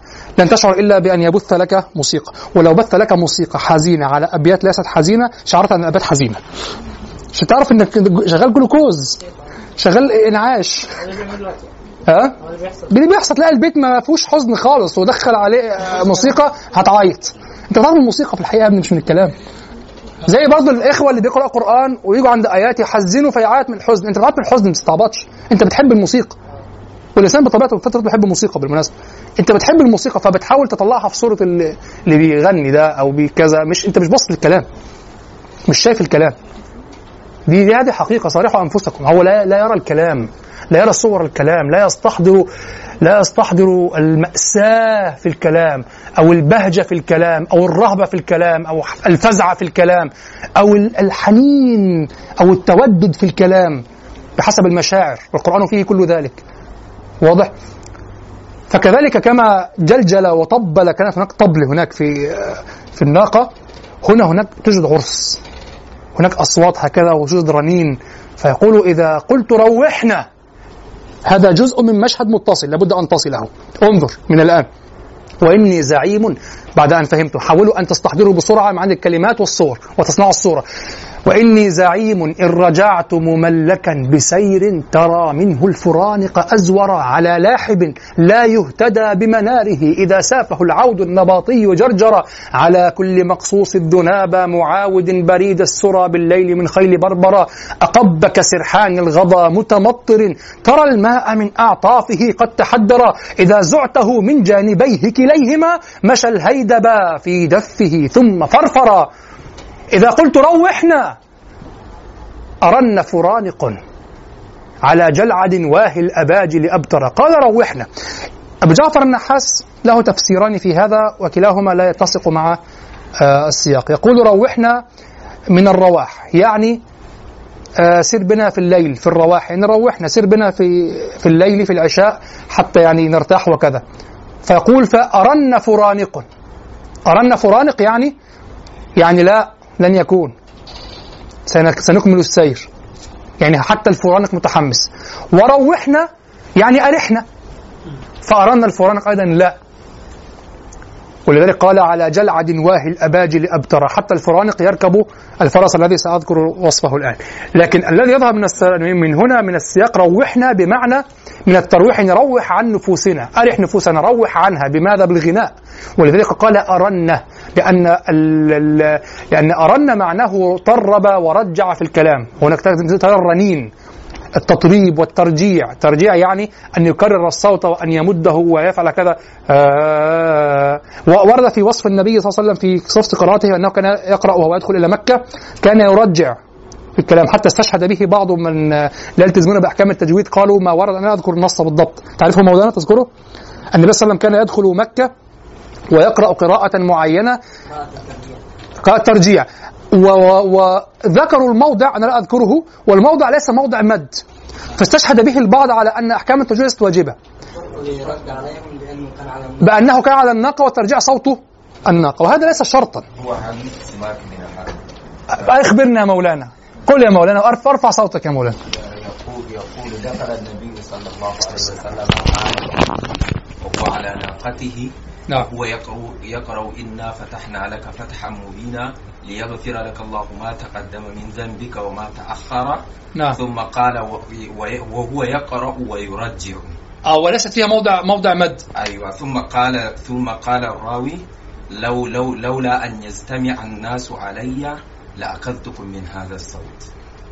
لولا لولا أن يجتمع أن يجتمع الناس علي لأخذتكم من هذا لأخذتكم لأزدتكم. لا لا لأخذتكم من هذا الصوت. يعني لا لا لا, زاد فيه. أيوة. صلى الله عليه وسلم. يعني يعني لا لا زاد في القراءة. أي- لا هو هو ل- ل- ل- ل- جاء بهذا الصوت كما قرأ النبي. آه هذا راوي يقول أيوة. عن نفسه لا على سن النبي صلى الله عليه وسلم. اي نعم نعم نعم. هذا النص يستشهد به آه، بعض من لا يرون أحكام التجويد والذين يقرؤون بالمقامات وكذا ويقولون يعني انظروا الترجيع. المهم الترجيع هو أن يرجع الصوت يعني أن يكرر الصوت. إنا فتحنا يعني هناك تكرار ترجيع هناك رجوع في كل حرف. طبعا هناك تأويلات في هذا الكلام ودكتور أيمن رشدي السويدي يهتم جدا بالرد على من يقول في هذه القضايا آه لأنه اتخذ تعرفون تذكرون قناة المزمار الذهبي؟ قناة الفجر برنامج المزمار وكذا بتاعت وجدي وجدي الغزاوي اللي أغلقت. بس هي أغلقت سياسية مش عشان القرآن يعني أغلقت حاجة سياسة خلاف يعني مش عشان القرآن يعني صدقني. يعني هذا أحد التأويلات وإن كنت لا اطمئن إليها تماما إنه ركب على الناقة فالناقة تسير فالترجيع لو كان كذلك ما قال الراوي هذا يرجع هو في في قراءته. لأن أي شخص يتكلم على الناقة هيحصل كده لكن لما وصف أنه يرجع في قراءته يعني هو يقرأ قراءة ترجيع فالله أعلم كيف ربما كانت حالة من الخشوع أو كذا فمد في غير موضع المد أو بطأ القراءة جدا وهذا تأويل مقبول. أظن قرأته بطأ القراءة جدا فكان المد المد اللغوي وليس المد الاصطلاحي. يعني كانت القراءة مادية يعني إنا فتحنا على مدة هذا الحرف الألف ليست ممدودة فإذا وقع ذلك مع مع تأثر النفس والنبي صلى الله عليه وسلم كان يسمع له عزيز كعزيز المرجل في صدره مع تأثر النفس نستطيع أن نقول أن الألف هنا مع هذا القدر من المد المد النسبي سيحدث فيه ترجيع تقطيع. وهو ليس مدا اصطلاحيا في قانون القراءة. فهمت قصدي؟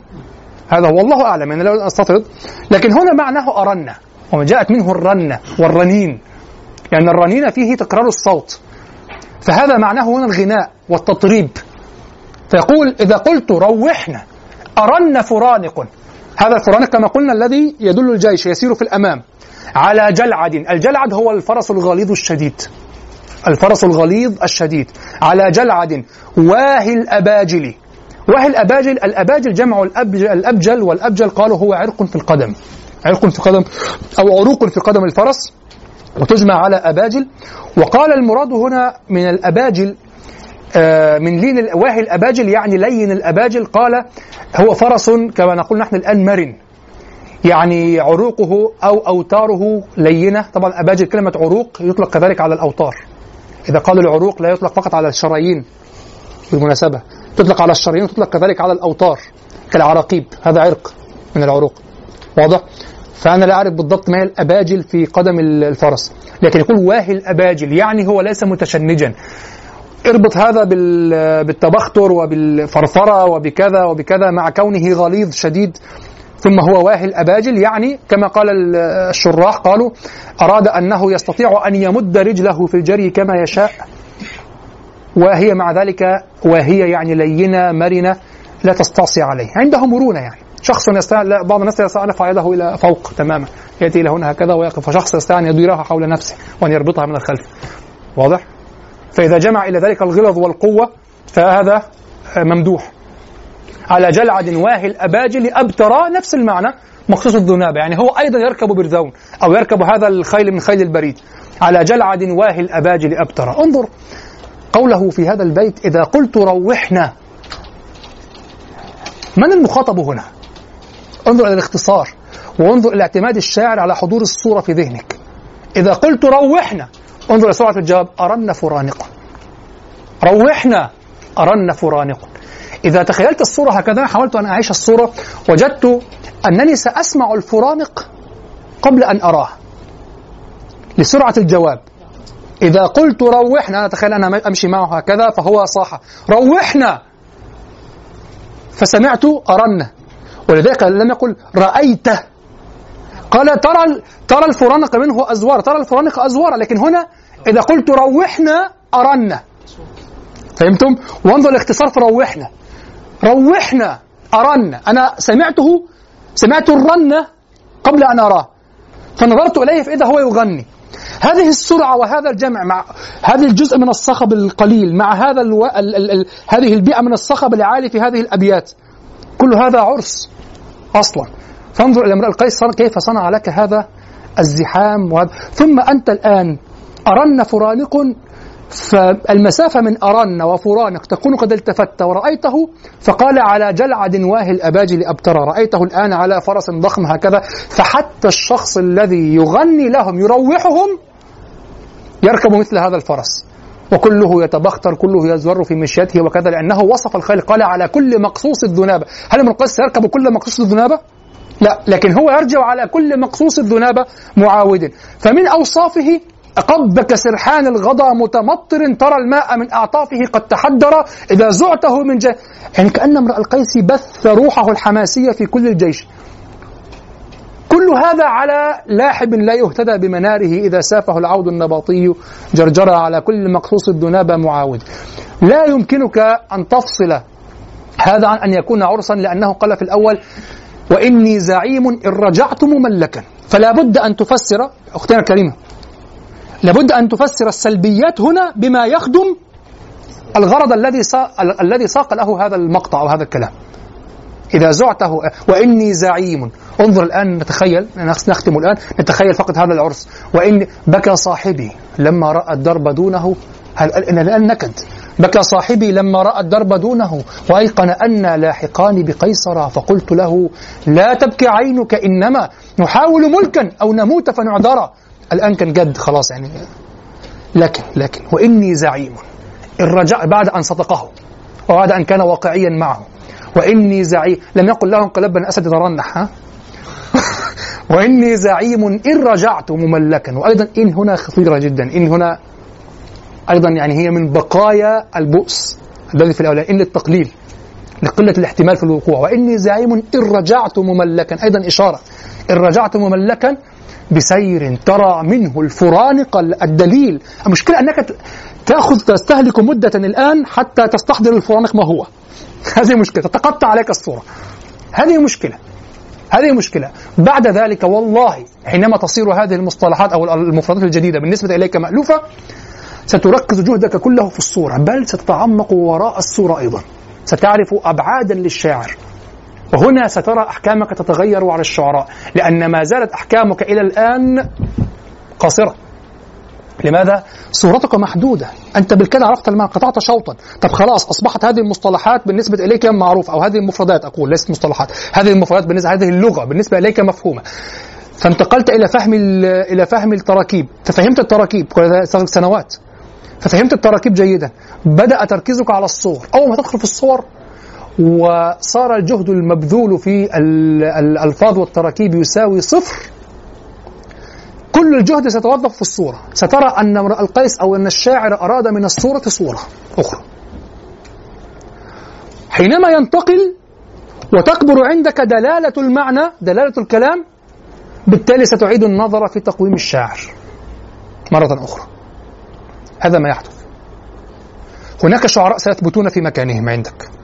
أول ما تعرفهم تعرف فخ- فخامتهم وكذا لكن سيثبت. لماذا؟ انك أدركت آخره آخر النص في خلاص زي المتنبي زي كذا شعر فحل لكن آخره واضح. الجاهليون آخرهم غير واضح. تحتاج إلى الدخول في الصورة والى التعمق من الصورة في صورة الصورة ثم كل هذا إشارة هذه كارثة. كل هذا إشارة. ثم الإشارة لم تبدأ من الأبيات الثلاثة أو الأربعة. الإشارة بدأ من أول خالص. القصيدة كلها إشارة أصلا. في أبي فراس الحمداني لما استعار الحبيبة واستعارها ل ل سيف الدولة كانت الأحوال واضحة أصلا. يعني القصة وكونها أرسله إليها ويا ابنة العم وكذا هذه استعارة واضحة وشديدة. هناك قرينة أنت هناك ليست عندك قرائن ثم هناك أراد المجاز لا توجد امرأة حقيقية. هناك توجد رحلة حقيقية ويوجد فرس حقيقي يقصده ويوجد كذا ويوجد كذا لكن المشكلة أنه لم يقف بك عند هذا. أراد من هذه الحقيقة التي أرادها شيئا آخر. وهذا أعصر باب في الشعر باب الإشارة. موجود اسمه الإشارة في عمد بن رشيق وقال الشعر إشارة. لكن أيضا الأمثلة التي مثل بها هينة ضعيفة. باب الإشارة باب قوي بمعناه أن يقول الشاعر شيئا ويقصد شيئا آخر. لم يدخل في الإشارة المجاز. لماذا؟ من لماذا لم يدخل إشارة في المجاز؟ لماذا لما قال رأيت أسدا على المنبر هذا ليس ليس إشارة. لأنك لم تقصد الأسد. الأسد انطلقت مباشرة على الرجل وهذا من أدلة ابن تيمية بالمناسبة. الإنصاف ابن تيمية عبقري وليس ليس كما يصور بعض إخواننا في الأزهر أن ابن تيمية جاهل أو كذا ابن تيمية إمام عبقري كبير وله نظيرات في اللغة عالية جدا. ومن السفه ألا حتى إن خالفته من السفه ألا تضعه في موضعه. نقطة مهمة جدا. ابن تيمية كلامه في قضية المجاز تشبه كثيرا من كلام العباقرة من الشاكلين الجدد أصلا. في نفي وجود المجاز وفي نفي المعنى المعجمي أصلا أن هناك معنى معجمي ومعنى غير معجمي. واضح؟ نعم قد يرد عليه بنفس الطريقة لكن لكن الذين ينفون ما يقول لا أنظر مش فاهم لا لا هو يفهم ما بعد تقول ما بعد ما تقوله وانت بمراحل أصلا. أنت الذي لا تفهمه حتى وإن لم يصب في النهاية. لكن أنت الذي لم تفهم أكثر المراحل هو قطعها في الفهم. واضح؟ هذا من لابد أن تفهمه. الذين ابن تيمية الجاهل ليس جاهلا. تيميه إمام كبير وعبقري مميز أيضا في العلماء وليس شخصا عاديا وله أفكار وفلسفة وفي اللغة وكذا. ضل أو لم يضل هذه قضيه أخرى. لكن أن تقول في النهاية هو لا يفهم وأن تظن أنك هكذا سفهت رأيه لا أنت السفيه هذه الحقيقة يعني. كلامه هنا يشبه هذا. أنت لما قلت رأيت اسدا على المنبر القرينة في هذا الموضع جعلت الأسد هو هذا الرجل. في الشعر عندما لا يدخل في الإشارة. متى تكون إشارة؟ لما تقول رأيت أسد وأنت تريد من هذا حقيقة الأسد ثم تريد شيئا آخر بعيدا. أنك رؤية الأسد ليست هي المرادة. مع كونها مرادة. يعني حقيقية مقصودة لكن ليست مرادة. ولهذا لو قرأت باب الإشارة في العمدة بن رشيق أدخل الكناية في الإشارة لم يدخل المجاز. مع أنها في باب واحد في البلاغة اسمه ال- البيان علم البيان. صح؟ تشبيه ومجاز وكناية. أدخل الاشاره أد- أدخل الك- الكناية لأن الكناية تراد للحقيقه لنفسها فيمكن أن تشير بالكناية إلى المعنى المكني عنه صح؟ هذه إشارة لكنها أس- أسذج الإشارة. أبسط الإشارة لأن الكناية قريبة من المجاز في الوضوح. تكاد أن تكون مجازا يعني ومختلف فيها أصلا وكذا وكلام في كلام فيها كبير معروف. إن شاء الله نتناوله في التلخيص لما نتقدم في المرحلة السابقة يعني. لكن لكن الإشارة أن تقول شيئا وثم النهاية أنت تريد يعني امرؤ القيس هنا ماذا ق... ماذا أراد من هذا العرس؟ الرجوع والتبختر في مشية كذا هو أراد نفسه في الحقيقة. لكن لم يرد نفسه هكذا كباب الترميز يعني مذهب الترميز الحديث أنا الفرس يقابل كذا هي يضع شفرة يعني واللي فهمني هيفهم. لا هو أراد هذه الحقائق. أراد الفرس الذي يرجع وكذا لكنه بث روحه في هذا الفرس. لم يأتي به استعارة ومجاز. هذه مشكلة فهم امرئ القيس. وإني زعيم إن رجعت مملكا بسير ترى أنت كيف تشعر بالألم وراء هذا الكلام؟ صعب جدا أن يشعر الإنسان بالألم ما لم يكن معنا من الأول صح؟ يشعر وإني تتخيل هكذا اقتطعتها وإني زعيم إن رجعت مملكا بسير ترى منه الفرانق ازورا على لاحب لا يه وفصل الصيد في قفا نبكي. يمكنك أن تقوله هكذا. وقد أغتدي كتب سلوم حداد. تعرف سلوم حداد؟ سلوم حداد ال- الاستاذ المتنبي و هو لا يؤدي إلا- لا يؤدي إلى الأشعار التي هكذا في حتى في الغزل فيها فروسية وعنف وهكذا. تخيلوا أنا تخيلته يؤدي وقد أغتدي وحدها وقد أغتدي والطير في وكناتها بمنجرد قيد الأوابد هيكلي مكرم مفرم مقبل مدبر معا كجلمود صخر حطه السيل من عالي. هذه طريقة كلثومية صح؟ أمر أم كلثوم. أسهل شيء أن تقتطع وأن تقول وقد أغتدي لكن المشكلة كيف تقول مكر مفر مقبل مدبر معا كجلمود صخر حطه السيل من عالي تحت مظلة الحزن والبكاء. التي هي مأخوذة من أول قفا نبكي من الأول. هذا هو. وهكذا السورة القرآنية تتحدد شخصيتها وتحدد نبرتك فيها حتى مع إذا جاءت آية وعيد. آية وعد عذاب كذا. هناك نغمة شعورية شعورية تغطي هذا تغطي هذه القراءة مهما اختلفت تحتها الأبواب. وهذه عبقريتك أنت في الأداء. وهذا فهمك أنت. هذه الشعرة الخفيفة التي تجعل كل ما يخالف هذه الشعرة في الداخل تجعله إشارة ما بالإشارة المعقد. كما معنى هذا العرس. وإني زعيم إن رجعت. كيف تشعر بأسى امرئ القيس في الخلف؟ دون أن تكون قد التقطت سما لك شوق من الأول وتمثلت القصيدة كلها في الأول وفهمت أنه يقوله في حال من البؤس. فهمتم؟ جلجلة هنا جلجلة. لكن وراءها بؤس. وإني زعيم إن رجعت مملكا بسير ترى منه الفرانق أزورا على لاحب لا يهتدى بمناره. إذا سافه العود النباطي جرجرا على كل مقصوص الذناب على كل مقصوص الذناب معاود بريد السرى بالليل من خيل بربرا أقبك سرحان الغضا متمطر ترى الماء من أعطافه قد تحدر. إذا زعته من جانبيه كليهما مشى الهيدب في دفه. ثم فرفر. إذا قلت ماذا إذا قلت إذا زعته قلنا. إذا زعته من جانبيه كليهما مشى الهيدب في دفه ثم فرفر. إذا قلت روحنا صح؟ إذا قلت روحنا أرن فرانق على ج... مباشرة. روحنا. أر... أصلا كلمة أول ما قال روحنا تخيلت أنت سياقا قبلها صح؟ أنه شخص سعيد والمشي جميل وسعادة. ما تسمعنا حاجة. صح أنت هنا شخص يقول ما تسمعنا حاجة كده. هل فهمت إن هو بادئ من مكان ولا فهمت قدرا من الأول أنت أصلا مصهلل أنت أصلا مصهلل؟ أصلا قاعد عامل دماغ ما تسمع ما تعمل لنا الشاي هل أنت تبقى متضايق وما تعمل لنا شاي لا ما تعمل لنا شاي يبقى أنت قاعد مبسوط أساسا والهواء عليل ومبسوط وبتكيف وبتاع. لا لا وهات ديوان شعر بقى كده. لا يا عم ما تجيبش المتنبي والمعري. هات يا عم. هات عمر يا أيوه كده. ودول شاي تاني بقى يلا. كويسنا شاي إذا قلت روحنا إذا هي روحنا جاءت في الهواء طب ما الذي تشعره في نفسك قبلها؟ هذه تداعيات المعاني. تداعيات المعاني. هذا هذا ما يضخم الفهم. هذا عين ما يسمى بالملكة في الفهم. هذا هو. ملكة فهم اللسان أن تفهم لسان العرب. إذا قلت روحنا أرن فرانق. لا تقف هنا إذا قلت روحنا أرن فرانق. على جلعد واهي الأباجي لأبط يعني اللي بيغني لنا ماشي على حصان يعني. واضح؟ جلجلة طيب وننهي ننهي الدرس بهذه ال- الومضة الجميلة. جزاكم الله خيرا.